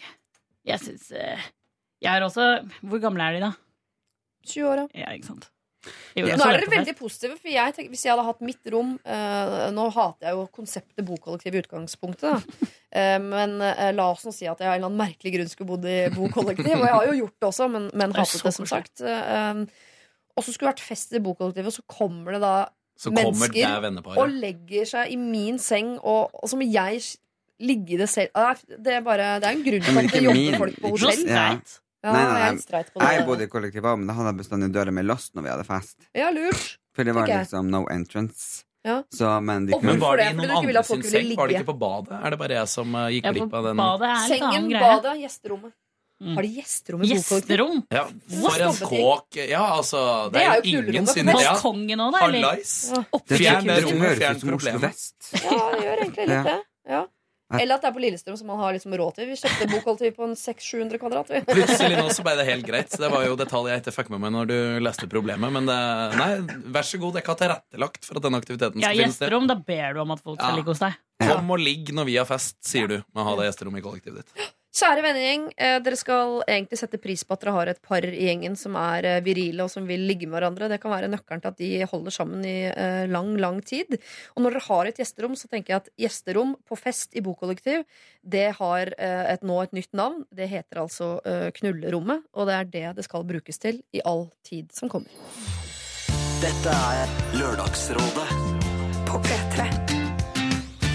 P3. Mm, litt sexy avslutning på den låta, må jeg innrømme. Eh, Beyoncé med 'Formation' der, eh, altså. Vi eh, raser videre her i Lørdagsrådet med nye problemer, og rådgiver i dag eh, minner jeg om at er eh, Henning Rå fra Rå og Osnes. Hei. Ikke direkte fra byggekanten i Bodø i dag, Ikke men i dag. eh, fått komme på storfint besøk til storbyen Oslo. Eh, Sirji Sirji eh, Skal rart ikke huske sitt eget navn, gitt. Islandsk Eh, eh, versjon av Sirji Seljeseth er på besøk. Det er veldig, veldig trivelig. Direkte fra Finland. Hyggelig vær. Og Erlend Elias, altså fra uh, Gokk. Ja. Eller fra Gokk. Divdasvodna Tysfjord. Divdas vodna sokka. Snakker du samisk? Gito. Like Litt. baby. Omnammal Erlend Elias. Bare baby. Skal jeg svare på det? Prøv. Prøv, Du var veldig god på islandsk. Ha Eh, selvtilliten. Ja, svarer jeg på det. Ja, ja, ja, ja. Nå med en gang. Ok, dere. Kjære Lørdagsrådet, for noen år siden eh, gikk min eh, mor bort, og da satt jeg, min far og søsken igjen i sorgen. Og etter dette har min far hatt flere kjærester. Pappa har alltid vært en rastløs type, men etter at mamma døde, har han knapt vært hjemme. Han er mye vekk i jobben sin, og når han kommer hjem, er det som regel rett til dama. Dette har vært en enorm stor påkjenning med den første dama hans, da vi kun så noen timer i løpet av åtte uker. Ikke ringer han så mye heller, men jeg orker ikke å, å gå og være nedfor, så til slutt måtte jeg ta en tårevåt telefonsamtale til han eh, for å si hvor mye vi alle savnet han, og hvor fælt vi syntes vi, eh, det hadde blitt. Han tok dette til seg, men lite har forandret seg. Han skryter fælt av barna og barnebarna, svigerungen og vennene til eh, dama si, og igjen sitter vi, familien hans, nesten uten kontakt. Han har ikke tid til oss, med mindre noen har bursdag. Mine søsken har surna helt. Problemet er bare at de er passive eller passiv-aggressive og tyter hele tiden eh, ut med hvor misfornøyde de er. De unngår han, og når han ringer, får han ikke svar. Og da spør han jo meg hva som foregår. Jeg som er gravid med mitt første barn, og tross alt er yngst av familien, orker ikke alt det dramaet, og jeg har sagt ifra til mine søsken at jeg ikke vil kjempe denne kampen også. Jeg er ikke konfliktsky, men det føles ut som det bare skal uh, tøye strikken min langt nok med drama og negative vibes. Ingen vil ta ansvar. Hva tror dere er løsningen her? Bryte ut av familien, eller se på at den faller sammen? Hilsen Åshild i slutten av 20-åra. Kjære- Yngstemann i flokken tar altså føler på ansvaret for å holde familien sammen. Da syns jeg kanskje de andre søsknene kan slutte å være egoistiske. Det her er jo alle barna blitt voksen. Dessverre har de mistet mora si, som er helt forferdelig, og faren sitter igjen, og det virker som at han er blitt veldig, veldig ensom. Han var sikkert veldig, veldig glad i dama si. Eh, og han takla ikke den ensomheten, derfor så flykta han i jobb og i dame. For han vil ikke være alene. Og da også må si at han ringer søsknene, men da gidder ikke de å ta telefonen. Mm. Og så klager de på at han ikke tar kontakt. Da syns jeg at de burde unne faren sin litt mer lykke. Jeg syns eh, Jeg syns synd på han, og så syns jeg synd på henne som blir stilt midt imellom. Ja. Det er jo Mm. ofte at man syns veldig synd på de som har mistet sin mor, og så glemmer man litt at det er en far her som har mistet sin livsledsager. Det skal på en måte han takle på vegne av familien osv. Men eh, jeg er enig i at disse søsknene de, de må gjøre et eller annet. Men hva skal eh, Åshild, jo som tross alt ber om hjelp her, eh, skal hun, Hun bryte i- med alle disse sure vibesa? Jeg syns hun har begynt i riktig ende, for hun tok den tårevåte telefonen, og bare det krever eh, mye. Og hun sier jo selv også at hun er den yngste, og det tyder på at hun har de egenskapene som skal til. Det er overhodet ikke hennes ansvar aleine, men det virker jo som at hun er den som er mest villig til å kjempe den kampen her. Ja. Og jeg syns at hun skal fortsette i den enden som hun har begynt i der. Det er råtøft, og hun, hun virker til å ha de kreftene. Syns hun skal gi det et forsøk til før hun gir deg opp. For det, jeg er helt sikker på at hun, som den yngste, og meg, ikke minst alt det hun allerede her forteller, kan nå fram, og kanskje kan forsone da alle i, i et hyggelig råd, sånn som vi sitter samla her i, i dag. Yngstemann er jo ofte den mest følsomme, eh, og samtidig så eh, kan jeg skjønne at det føles urettferdig at man som yngstemann, gravid med første barn, eh, alt det der, skal være den som tar i et tak på vegne av resten av familien. Har du noen søsken, Siri? Ja, jeg er eldst, da. Du er eldst. Jeg har ja. helsøstre og halvsøstre og sted og og så videre. shebang. Ja. Ja. Hva Eh, syns du Åshild skal fokusere på her? Det er det, da, fordi hun er yngst, og de eldste har hatt lengre tid til å bli bitter. De har hatt flere år eh, enn henne til å oppleve ting de er misfornøyd med. Så jeg syns egentlig det er en god idé at hun, eh, hun arrangerer noe. For hun, sier- hun sier de andre er passiv-aggressive, og det er jo på en måte det minst fornuftige man kan være. At det kommer jo ingenting ut av det. Nei. Å sitte og sutre og så ikke ta telefonen. Så nå skal jeg liksom uh, preach what I don't practice, og ta den der uh, Ta den ukomfortable Oppvasken, rett og slett? Rett og slett. Ja. Og hun er gravid, det er veldig symbolsk. Hun, eh, denne ungen kommer inn i et nytt liv. Den vil ha blanke ark. Der skal det ikke være noe sånn skittent vann, føler jeg. Nå blir det mye metaforer som ikke Ja, jeg elsker metaforer. Ja. Kjør på. Ja. Mal de Det bildene beste hun kan gjøre for det barnet, er jo at det er harmonisk når det kommer ut. Ja. Det er mor i familien som var limet her mellom alle på en måte, søsken og far. Og sånn er det ofte. Det er som oftest mor i en familie som er eh, limet. Og når limet blir borte, så blir ting vanskelig. Og da eh, trenger jo en familie nytt lim. Og her virker det som om Åshild er den som er tettest opp mot å kunne erstatte det. Mm. Men da er det jo det er vanskelig for oss å si til Åshild at det må hun. Men eh, hvis hun skal starte i en ende, hva er det som egentlig er Hun kan jo, eh, Det virker jo som hun har litt å gå på i forhold til egoisme her. Kan hun i utgangspunktet fokusere på at hun skal ha et godt forhold til sin far? Istedenfor å være den som skal sørge for at alle har et godt forhold til sin Mm. far. Man må jo uh, ta litt ansvar sjøl òg. De andre. ching, ching, akkurat det jeg har tenkt på. Ja. Hun burde konsentrere seg om at hun er gravid og skal få sitt første barn, og glede seg over det. Og hun sier at faren stiller opp i bursdager i det hele tatt. Han burde sikkert komme når babyen er nyfødt og i det hele tatt. Og ha et godt forhold til han. Og hvis de store søsknene er så passiv-aggressive og, eg og egoistiske og i det hele tatt, så får de bare være. Og så får de heller bare komme når de får lyst. Ja. Så jeg tenker at han faren blir jo sikkert å Nå vet jeg ikke hvor lenge det var siden mora gikk bort. Men eh, når han finner seg dame og settle down, for det høres jo ikke ut som han er så gammel når han driver og jobber og reiser mye og får seg dame, og i det hele tatt, så burde jo han få lov å leve livet. Og så har hun kontakt med han, og når han finner ei dame og slår seg ned med, og sånn, så, så kommer jo sikkert han til å være mye mer tilgjengelig. Ja. Og eh, da Men var det ikke at han hadde slått seg ned, egentlig? Og skrøt veldig mye av den nye familien sin? Nei, han skrøt av barna og barnebarna. Ok, men, ja, men det var ikke til den nye dama? Det var Han skryter fælt av barna og barnebarna, svigerungene og vennene til dama. Så han er veldig fornøyd okay. med dama og hennes eh, univers. sant, ikke For der er han Ah. kongen nå, ikke sant? Ja, ja, han, så har han sikkert kommet inn i en pakke hvor alt er på stell. Da. Det er sikkert Ja. litt godt for han. Men hun Mm. sitter på trumfkortet nå. Hun, hun, hun er gravid. eh, Den, der barnet skal ha en, eh, en bestefar. Og det er et ekstremt sterkt appellerende kort. Det er en fantastisk gave, vil jeg tro. Jeg håper jeg en gang får bli bestefar. Jeg tror jeg blir en råkul bestefar for øvrig, uten Ja. eh, sammenligning.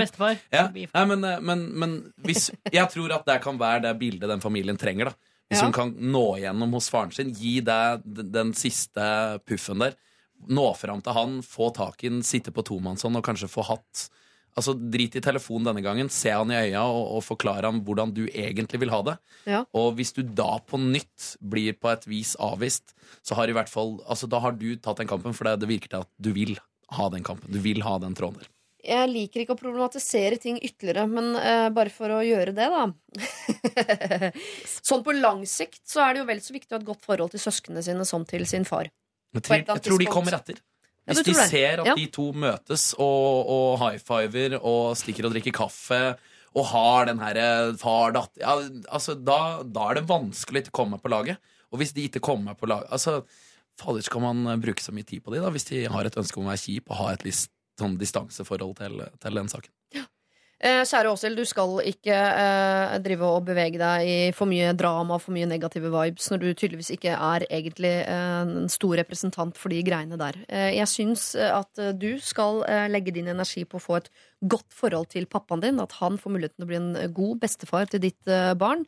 Og så kan du prøve å påvirke din far på sikt, tenker jeg, til å fikse det forholdet til søsknene dine. For det ansvaret skal ligge på han, det skal ikke ligge på deg. Det er urettferdig som yngstemann å føle at det er du som har ansvaret. Men hvis du orker, på et eller annet tidspunkt hvor du ikke er gravid, for eksempel, eller ikke, hvor du har litt overskudd emosjonelt, så kan jo du også eh, legge litt eh, føringer for å samle troppen igjen. Eh, snakk positivt om din far til dine søsken osv. Men i første omgang, fokuser på forholdet mellom deg og pappaen din.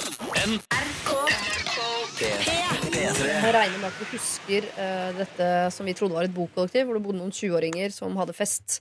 Eh, og så var det et par som alltid kom dit og lå med hverandre på soverommene til de andre. Det var Porsche gjesterom. Porsche gjesterom der også, gjesterom i boka, ikke sant? Ja. Vi dømte jo hele greiene her Nord litt og nord og ned. ned. Eh, men har fått ny eh, SMS fra denne gjengen hvor det står her kommer utfyllende informasjon til problemet dere nettopp tok opp om ligging hos andre. Vi er i 30-åra, vi bor ikke i bokollektiv. Alle i vennegjengen er sammen med noen, og alle bor sammen med kjæresten sin. Har dette noe å si for hva dere mener om det? Vi er sjokkert om dere syns at det er greit. Det vil si at det er en godt etablert gjeng, alle har kjæreste, men det ene paret skal alltid Altså Hvis et vennepar av meg nå i min alder og min bosituasjon drar på lå med hverandre hjemme hos meg, Her er jo en legende av en mann. er det mer respekt? Herregud, så ekkelt. Å, fy søren, så ekkelt. Han mannen som leverer de varene Altså, han fyren der må jo være en legende. Altså, Hvem er det her? Er det Supermann som bare tydeligvis gjør noe greier som kona fortsetter å bestille på? Eller kjæresten? Ja, men får ikke dere, Dette er det paret som først kommer til å få seg jacuzzi og foreslå uh, hva om vi Eh, bare bytter litt, eller uh, Men la de, la de være de. Mener du det? Ja, jeg, Dæven for et initiativ å holde det gående. Jeg trodde det der var forbeholdt eh, tidlig i 20-åra. eh, Du får ny tro på sånn livet, du nå. Ja, du, nå kan man leve lenge, altså. Nå kan man leve lenge. Masse high fives til han mannen der. Dette paret du tar helgetur til Amsterdam med. Ja, gjør man det, eller Ja, Ja, går du Nei, men Er det ikke en slags gnist i å vite at de finnes? Det finnes folk som gjør kvinnen i dette? Jo, jo, jo, jo, jo altså selvfølgelig, men altså, jeg er jo mann, så jeg må jo at han klarer å, å, å gjøre det. Ja, det er brødregreier. Ja, At han sånn klarer å gjøre det, men jeg tenker liksom, vil hun være med, eller føler hun at hun må? Jeg tror hun tar initiativet, faktisk. Kan være Så hun er, eh, leverer og han som bestiller, altså. For jeg Ja. tror ikke du som mann kan bestille det der. Da da er det blir du noe kasta sånn fyllegreier. Nei, vet du hva? Eh, Nå kommer liksom eh, moralens vokter opp Ja, her for meg, og da tenker jeg at det er helt uaktuelt, og jeg vil jo slutte å buddy på fest. For jeg tenker liksom, Hvis man er så godt etablert, så bruker man jo som regel å ha middag og drikke vin og ha det hyggelig. Da er det liksom ikke 'calling Mr. Radar', wow, og så jelly shots og sånn som vi gjorde. Ikke sant? Da er de litt mer sofistikert, og det sitter man og har det hyggelig. Hvis de skal forsvinne inn på et toalett eller et soverom og ha seg midt oppi alt her, så sitter jo resten av folkene i gjengen. Og så Da må du klirre i glasset først. Sånn, da bare tar vi en vi liten Ja, kvarter. Hvordan høres den samtalen ut? da? Slutt å knull, og så er du altså, er det, hvor Det, er det det? jeg tror er det farlige her, er at dette er et par som helt tydelig liker å ha sex, med, vel vitende om at det er folk i nærheten de også er glad i. Mhm. Så hvis man eh, tar opp dette her, så vil ikke det eh, hos de tenke sånn Å nei, å ja, uff, det har vi ikke tenkt på. Det vil jo bare, Da kaster du bensin på bålet. Da, de vil jo elske det. Eh, Gud, Mer så regler vil si liksom enn å nei, så der, Jeg tror jo større nummer de dere hørt gjør at av dette her, jo morsommere er det for dem å ligge sammen. Da kommer det til å ligge sammen enda mer, og etter hvert også ut, trekke det ut i stueregionen. Men Tanja og uh... Få dere nytt gjesterom, enda et. Nei. Jeg ville jo, vil jo bare ha gjort et statement og slutte å invitere de. Og så har de kanskje tenkt etterpå hvorfor de ikke blir invitert. For hos meg så er de ikke velkommen med middagsbordet. Men oh. Jeg, jeg, jeg, jeg er enig. Jeg, altså, jeg også er som deg på det, Erlend Elias. Men jeg skulle ønske jeg var et menneske som kunne si sånn, vet du hva? Eh, kan vi ikke bare hente litt energi ut av dette? Og ha, det som inspirasjon at vi har et vennepar i gjengen som eh, må ligge sammen eh, hele tiden. Kan vi ikke liksom bare bruke det som noe, sånn, eh, som noe gøy og artig, og kanskje vi kan, det kan gi oss noe giv inn i, i uh, vår greie? Og, Nei, for at Ja. det kunne vært gøy når de var 20 år, og så kunne de nå når de var 30, og så kunne de sitte rundt og drikke rødvin og si 'Husker dere hvor gærne dere var?' Dere knulla på hver fest! ikke sant? Men den kommer i 40-åra. Ja. 30-åra er lenge leve. 50. Hører her nå. Lenge leve. Oi, oi, oi, oi. Ja, eh, her blir vi ikke enige, dessverre. Det jeg ville gjort, var selvfølgelig at neste gang dere har fest, ta og gjøre om det der eh, gjesterommet. Legg plastikk på senga, legg ut masse kondomer, sette på et filmkamera og gjør det ordentlig tyskt. Sånn at det for det paret blir eh, veldig tydelig at dette her er noe dere snakker mye om. Og det kan gjøre at de syns det er så flaut at de slutter. Eller så kan de gi dem det bensinet på bålet som gjør at neste gang de kommer på fest, så har de sex altså på stuebordet mens dere sitter rundt og drikker rødvin og håper at dette er eh, slutten på eh, livet. Jeg vet ikke.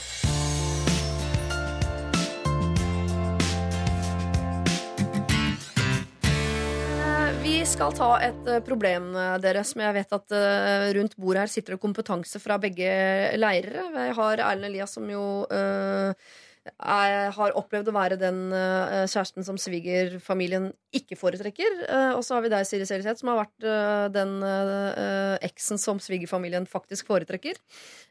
Og Henning Kult forhold til ja, de. du, bare, du elskes Ja, ja. uansett hvor du går, av dialekta. Herlig med svigers eks. Ja, ikke sant. Ja.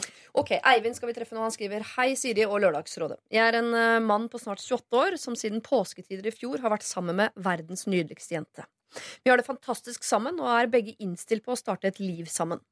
Problemet er at min svigerfamilie eh, eh, ja, Problemet er min svigerfamilie. Punktum. Kjæresten min avsluttet et tolv år langt forhold da jeg kom inn i bildet. Hun og eksen ble sammen da hun var 17, og han, da, denne eksen, ble en del av hennes familie og en de tydeligvis satte veldig stor pris på. Mine svigerforeldre har sett på han mer som en sønn enn som en svigersønn.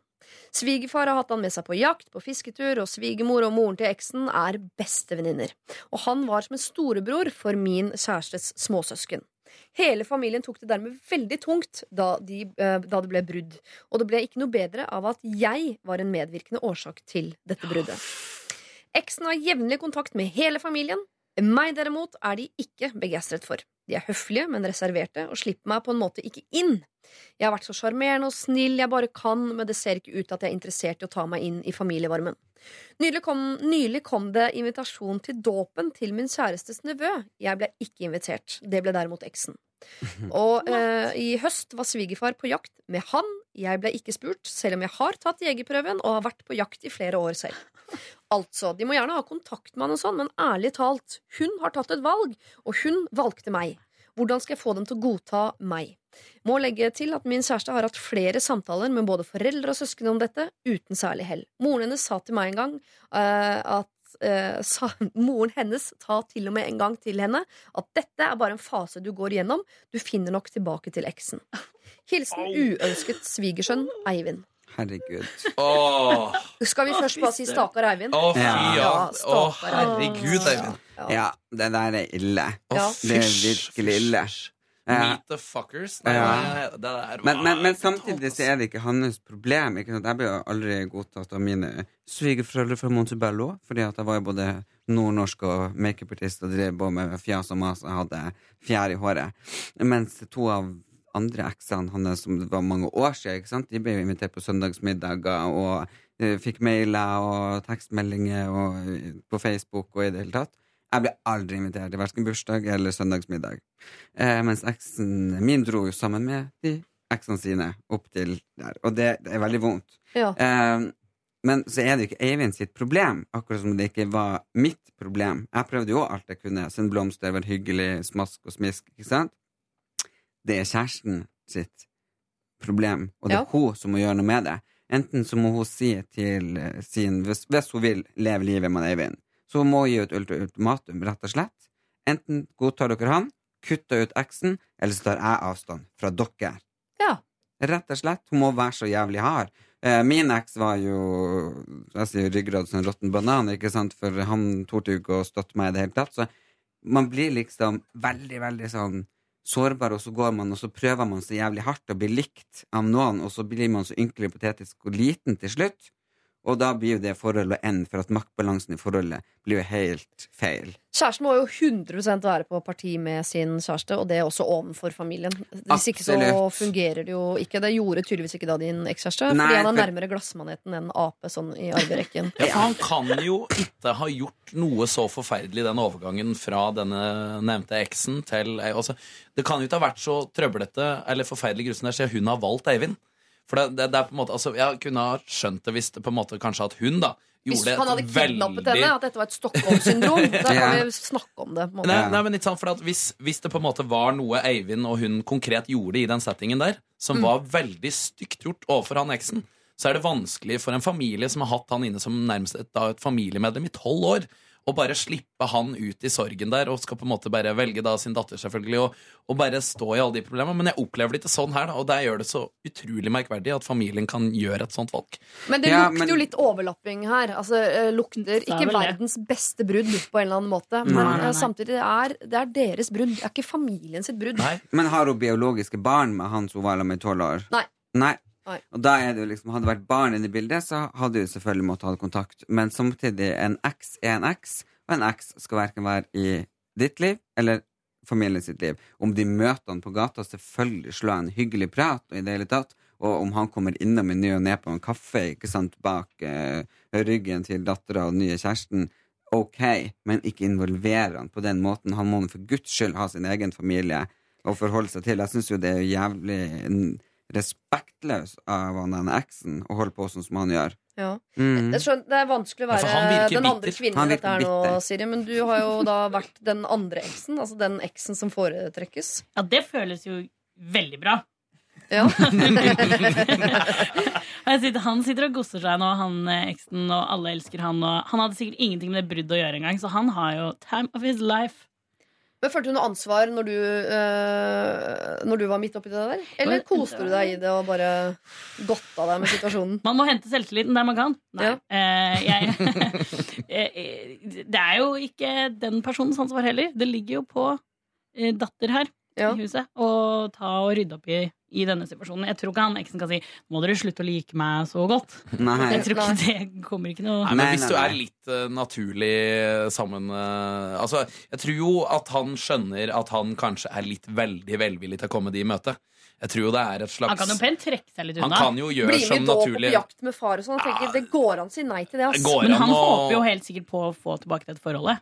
Ja. Det virker jo sånn, siden Ja. han Men da henger rundt. burde han jo stikke av og la de være i fred. Hun må finne fram kosten, hun dama i det forholdet der, og jage folk til hver sin kant. Altså. Hun må, ja, hun må, ja, der må bare Der må hardt mot hardt. Der er det bare å Og så må du finne på en dritgod historie. Mm. Du hadde gjort det slutt, du. Ja. Ja. Eh, fordi det som jeg, kan, jeg føler meg veldig igjen i han. Å sitte hjemme eh, mens eksen er på søndagsmiddag med eksen sin og svigerforeldrene som egentlig er dine, det svir. Ja, Eh, så det- da tenker jeg at eh, da, da går man. Så han får gi et ultimatum til henne. Enten så får du de til å kutte han ut, eller så kutter du de ut. Og- Hvis vi skal dele et liv sammen. Ja. Finn på en dritbra historie om hva som skjedde i det bruddet, egentlig, hvor det er han andres feil. ja. Ljuge litt overfor Ja, rett og slett finne på noe om at han var utro, eller noe, så de ikke liker han så godt lenger. Nei, bare ha ryggrad. Ryggrad og vær lojal. Jeg er ikke så glad- Eller løgn. Eller- løgn. Jeg er ikke så glad i ultimatumer, men her også eh, merker jeg at jeg kanskje ville gått uh, i retning av et ultimatum. Fordi jeg ville også alltid valgt kjærligheten foran familien. Eh, så hvis familien min ikke godtar mine valg og min kjæreste, så ville jeg sagt ha det bra til familien. Og gått de den veien kjæresten min går. Det ville jeg alltid ha gjort. Men det vet, jeg vet ikke om, eh, om kjæresten Eivind eh, ville tatt akkurat det valget. Men jeg mener jo at når man gjør det slutt, så gjør man det slutt på vegne av alle. Mm. Eh, og selv om jeg skjønner at det er vanskelig, jeg har hatt et forhold til han i tolv år, og ofte savner man nesten familien til eksen mer enn man savner eh, eksen. Fordi de er jo ikke sånn at du har sluttet å være forelsket i, og du har vært sammen med de barna, vært sammen med de foreldrene og den bikkja. Så de, de kan man jo savne. Men Ja. det er en del av eh, Altså, når du gir fra deg den pakka, så gir du fra deg hele Sånn pakka. Du gjør Sånn det. Og mamma Ja, spurte jo faktisk meg om eh, Kan jeg få lov å legge han til på Facebook, han eksen, før han her eksen, da, som Ja. jeg hadde. Så sa jeg absolutt ikke. Nei. For liksom, hvorfor faen skal du ha han på Facebook? Ja, han var nå søt og snill. Så sier jeg det spiller ingen rolle. Legg det han til, så sletter jeg det. Åh, du er er altså ultimatumens eh, konge. Ja, nei, nei, Eh, men man må være rett fram, og så må man være lojal. Nå har jo denne kjæresten snakket med foreldrene sine noen uh, ganger, og sine søsken i det hele tatt, men jeg tenker at uh, man må gå hardere til verks. Ja. Her kan det nok hende at uh, dette er et eksempel på en av de få tilfellene hvor jeg vil anbefale et ultimatum. Her må kjæresten din bare vokse en helt enorm ryggrad, altså dinosaurusryggrad, og gå til sine foreldre og sette et ultimatum og minne dem om at her er det jeg som har tatt et valg, og jeg har valgt på vegne av dere andre. Dere må bryte all kontakt med min eks. Hvis det skal være noe kontakt med han, så går det gjennom meg. Gå business-wise til verks på dette her. Eivind, Eivind. ja, Eivind, vi støtter deg så innmari. Dette her er vondt, og det svir. eh, Og dessverre så er det kjæresten din som må gjøre, eh, om ikke bare den største jobben, men hele jobben i dette her. Og så gjør jo du noe riktig. da. Du prøver å være hyggelig og grei og gjør alt du kan, og det skal du selvfølgelig ikke slutte med. Dette er Dere, Vi skal over til noe som er mer sånn kutymepreget. Det er et eh, par som aldri blir enige om eh, en eh, type kutyme når man er på restaurant. Jeg vet ikke hvor ofte dere er på restaurant. Jeg tipper Erlend Elias, du spiser ganske mye ute. Står jeg for meg? Ikke for jeg ser for meg at du spiser mye, men jeg tipper deg ofte ute. da Ja, de gangene jeg spiser. De gangene du spiser, så er du ute. Ja, Ja. stort sett. Åssen er det med deg, Siri Seldseth? Er du en middagslager, eller blir det mye ute? Jeg lager mye middag, altså. Jeg er veldig Ja. glad i å lage mat. Er det det? Yes. Så jeg pleier å Jeg er som en restaurant hjemme. Jeg serverer de jeg bor med. Oi. Mye grytebasert mat, eller hvor eh, Alt mulig rart. Alt mulig. Men ja, sånn det- Så flink du er, da.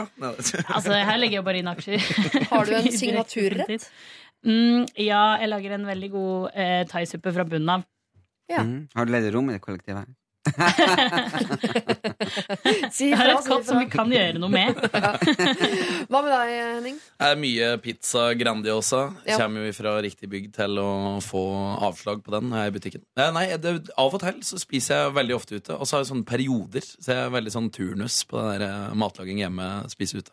Jeg pleier å skjønne de fleste referanser, men nå ramla jeg Altså, lages Grandiosaen på Toten? Nei, nei, men vi har jo den udødelige julereklama. Skal vi til heller ta oss en jeg kommer i så julestemning. Av Ja. den, eh, Ja. Og jeg føler det jo hvert år, så jeg har så, Så jeg lyst på Grandiosa i jula. i kassa, da. Så tar jeg den, og da blir det tilbud på. Da blir det god stemning. Ja. Ok, dere. Eh, vi skal på restaurant, og det er Ulrik som eh, legger fram dette dilemmaet. Hei. Når min samboer er ute og spiser, er det en ting vi alltid er uenige om. Hvor lenge er det lov å bli sittende etter at regningen er betalt? Min oppfatning er at dersom man ber om regning, så signaliserer man samtidig til kelner at man begynner å bli klar for å gå, slik at han kan gjøre bordet klart for neste gjest. Og etter at man har betalt, så bør man gå i løpet av en fem minutters tid. Min samboer derimot mener at det er lov å bli sittende litt lenger ettersom man har betalt for å være der. Problemet oppstår ofte når jeg bestiller regning og betaler, og så sitter hun da fortsatt der med fullt vinglass. Hilsen Ulrik. Opp Jesus? Christ. Hvorfor i faen bestiller han regninga mens hun har et fullt vinglass? Er han helt idiot? Hva slags gentleman er det her? Er det frekt overfor henne, mener du? Ja. ja. Må jo liksom se. Ja, nei, er vi ferdige? Er vi klare? Du drukket opp? Har du spist opp? Er du ferdig? Skal du ha noe mer? Bla, bla, bla. Ja. Og hvis du da glassene er tomme og sjattene er tomme og alt er ferdig, så bare da bestiller man en regning. Men hvis han er så jævlig hypp på å gå før å drukke opp glasset sitt Altså Bare forsørge seg om at ikke hun skal ha noe mer. ja. Han skal bare lukke Ja, nå er du ferdig, kjerring. Nå du, nå er du ferdig drukket. Du får ikke mer enn Får denne. kake til det vinglasset. Men kanskje han er en effektiv type. da Jeg er jo veldig glad i serveringssteder der man må betale i det man bestiller, sånn at jeg er fri til å gå akkurat når jeg vil. Istedenfor at jeg nå tenker sånn, nå er jeg klar for å gå. Men vent, da. Eh, legg på et kvarter ekstra, for det er noe eh, greier på bakrommet. Må skifte noen øltanker eller noe. Eh, ja, jeg, jeg vet ikke hvorfor han bestiller Er det det her, tenker jeg. Er det det her? Er det det her som er problemet? Er det det her? Måtte det her dukke opp som en ting som måtte opp på agendaen? Men Er er det, her noe vi må, det er et veldig ilandsproblem Ja, som er litt ja. vanskelig å tygge seg inn i. Ja. Men eh, ja, nei, er det det her, så Men det blir finn på noe annet. Jeg kan godt liksom gjøre det mer blodig, Fordi dette er noe de aldri blir enige om. Det vil si at Hver gang de er på restaurant og skal hygge seg, så er avslutningen på det Helt restaurantbesøket ikke så veldig hyggelig, for da kommer den greia opp igjen. Og hun er sikkert trassig, så hun drikker saktere bare for å poengtere sin side. Og han bestiller regningen tidligere for å poengtere sin side. Og dette er potensielt brudd down the line. Hvis Ok, ikke men, da, men da får de bare splitte regninga, så får han betale sitt og gå. Og så får hun sitte der til ferdig, og så drikke opp, og så betaler hun noe er ferdig. Da kommer de nærmere et godt forhold. Men på vegne av samfunnet, da, dere, hva, hva skal, signaliserer man 'nå går vi', og så må man gå i det man har betalt? Ja, det er jeg enig med han i. Når jeg har betalt, da er man liksom ferdig. Da pakker man samme saken, og så bruker man maks fem minutter kanskje bare for å eh, prate om den siste setninga vi har, liksom eh, prate om mens regninga kom, Ja. og så går vi. Ok, Så da har du lagt din stein på vektskåla til Ulrik i dette Nei. dilemmaet, egentlig. Nei, Fordi at jeg syns det er helt uh, tullete av han å bestille regninga før hun har drukket opp. Man Ja, Det er et annet problem som ikke Ulrik har uh, gitt oss. Men det okay. synes jeg altså vi kan legge til. uh, Ulrik, du har helt rett. Man må gå i løpet av fem minutter etter at regninga er betalt. Men slutt å be om regninga så jævla tidlig, da, din dust. Ja. Kan man jo si. veldig enig i det. Hvor legger du din stein, Henning? Det vet du, altså Du skal jo være en gentleman når du har med, har med frøkna ut. Så her er det jo bare opp til han å være, eh, være gentleman. Mm. Du må, du må vente på at hun har bestemt seg for at nå kan vi gå. Og da er du han hyggelige fyren som får kontakt med en servitør uten å knipse eller plystre, uten å være en idiot. Gjør det sjenert, gjør det hyggelig. Kan ikke bare hun Betaler hun bestille regninga? da? Kan ikke bare hun få gjøre det? Det er jo tydeligvis hun som, eh, som har tidsaspektproblemet her. Så hvis hun bestiller når hun føler at det passer seg Nei, det er feil. Gir henne regien? Nei, men slett, Bli enige, da. Og så er avtalen den at når dere er enige om at regninga bes om, så skal det gås i løpet av fem minutter. Så er man, da har man den sila. Men kanskje hun er den som liker å sitte og kose etter man har spist. Og Ja, men det kan man gjøre, men man trenger ikke å be om regninga da. Da trenger man ikke å be om regninga sjøl om man bare sitter og koser seg. Nei, Da kan men- man be om regninga da når man er ferdig med å kose seg, Ja. og så går man i lag da. Ja. Kanskje han har veldig sånn dårlig erfaring med sånn kelnere som er sånn 'Vil du ha noe mer? Vil du ha noe mer?' At Det er derfor han er så Ja, da må han slutte å ta med dama ut da, hvis han ikke har penger. Ja. Da, hvis han er redd for det, så må han bare slutte å gå ut. Mm. Kanskje hun blir ufin etter eh, glass nummer tre. Så blir hun flau. Det er noe dypere her. opp med skjørt og ned med blu... Å, han er der, Ja, men jeg holder meg på det. Er det det her? Virkelig, Ulrik? Er det det her? Men de blir ikke enige. Alle par har noen sånne som hvor 'dette mener jeg, dette mener du', blir aldri enige. Da trenger man en nøytral tredjepart og bare si eh, om det er han eller hun eh, som har rett. Og her, eh, så langt, så ligger jo Ulrik veldig godt an. Det kommer litt an på hvor du legger din stein, Siri, og hvor tung den er. Det gjør litt vondt å legge den oppi skåla til Ulrik, merker jeg. For ja. han er så kjip når han driver og maser. Men ja, eh, når du har bestilt regninga, så skal du jo gå. Jeg tror kutyme er, Ulrik, som du sier, at når man eh, bestiller regning, så skal man faktisk gå ganske kjapt etterpå. For det har noe med eh, I hvert fall når jeg står og venter på bord, og jeg ser noen betale regning, så er det for meg et signal. Åh, det er bare fem Og så minutter sitter til. der Endelig. Altså, hvis du blir sittende da, da hater jeg de folka som blir sittende Ja. etterpå. Jo, men det har jeg gjort mange ganger når på Lorry jeg har vært der. Liksom, for jeg ser regninga ligge der, det er betalt, og så Ja. sitter de der tomme glass og bare prater. Da bruker jeg å gå bort bare Unnskyld, skal dere gå? Jeg ser dere har betalt. Ja, og da går de, eller? Restauranter må slutte å sette fram sånn gratisting på slutten. Sånn Indiske restauranter må slutte med de lakri- lakrisfrøene. For det er det Det er mange gode grunner til at de kan slutte med det, egentlig. Det er ikke så Men vær nå enige om når den regninga skal tas, så slipper man de problemene der. Ulrik, du, eh, du, får, du vinner her, altså. Du får den. Eh, Det er ca. fem minutter man har å gå på etter at man har eh, bestilt regning. Eh, Men du må kutte ut og bestille regning mens kjæresten din har et fullt vinglass. Da, det er bare det, det er dårlig kutyme, det er dårlig eh, kjæresteri og dårlig oppførsel og i det hele tatt. Så der må du ta, eh, ta i et tak.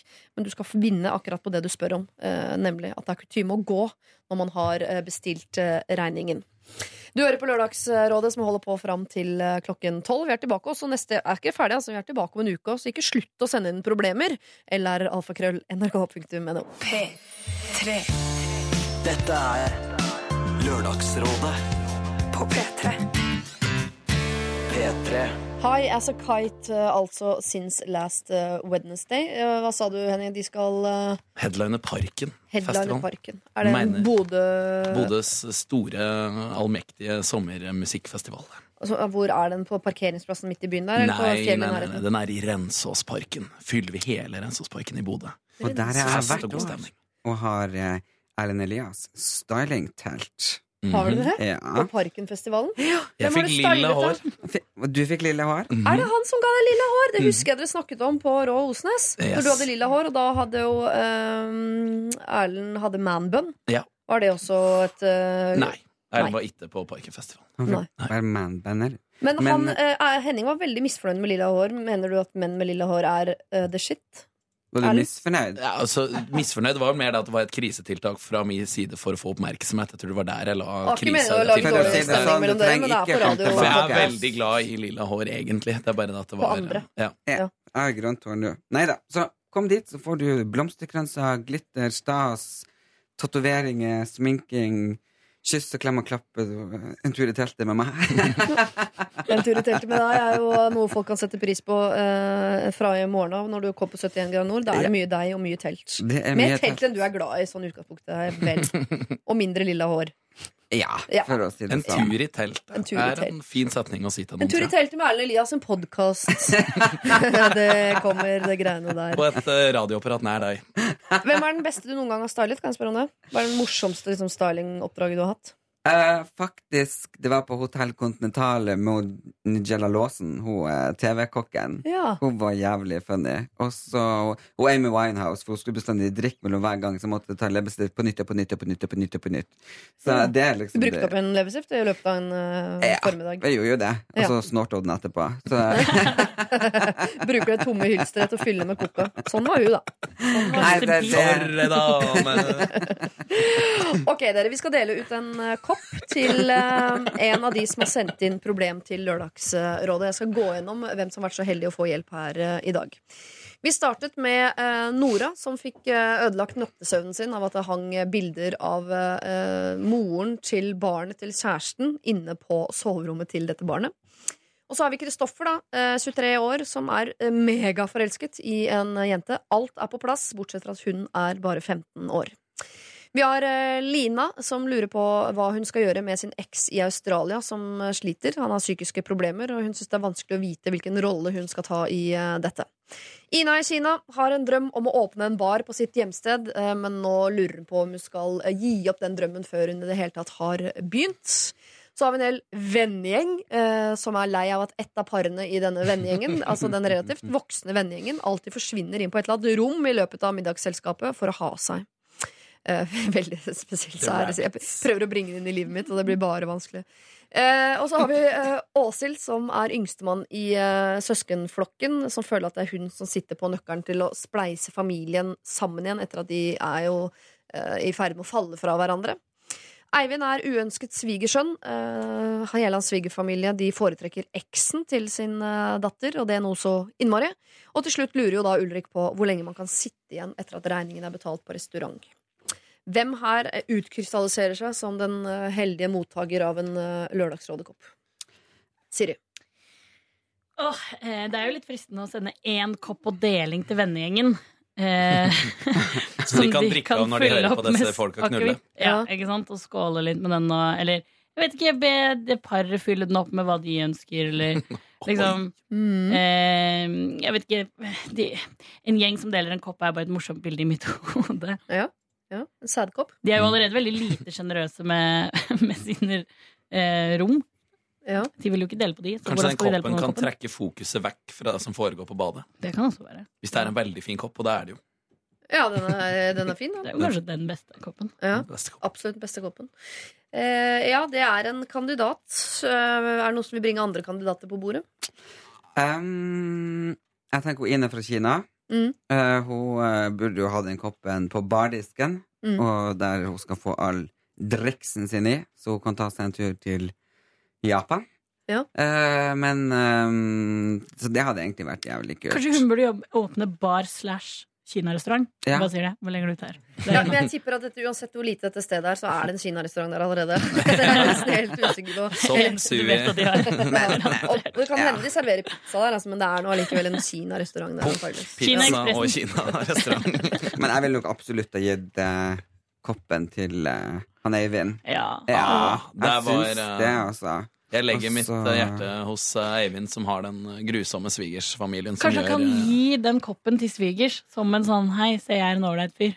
Nei, han kan fylle den med kaffekarsk og sette seg ned og slappe av, og så får han se hvor landet ligger. Ja. Eller slå svigermor i hodet med den.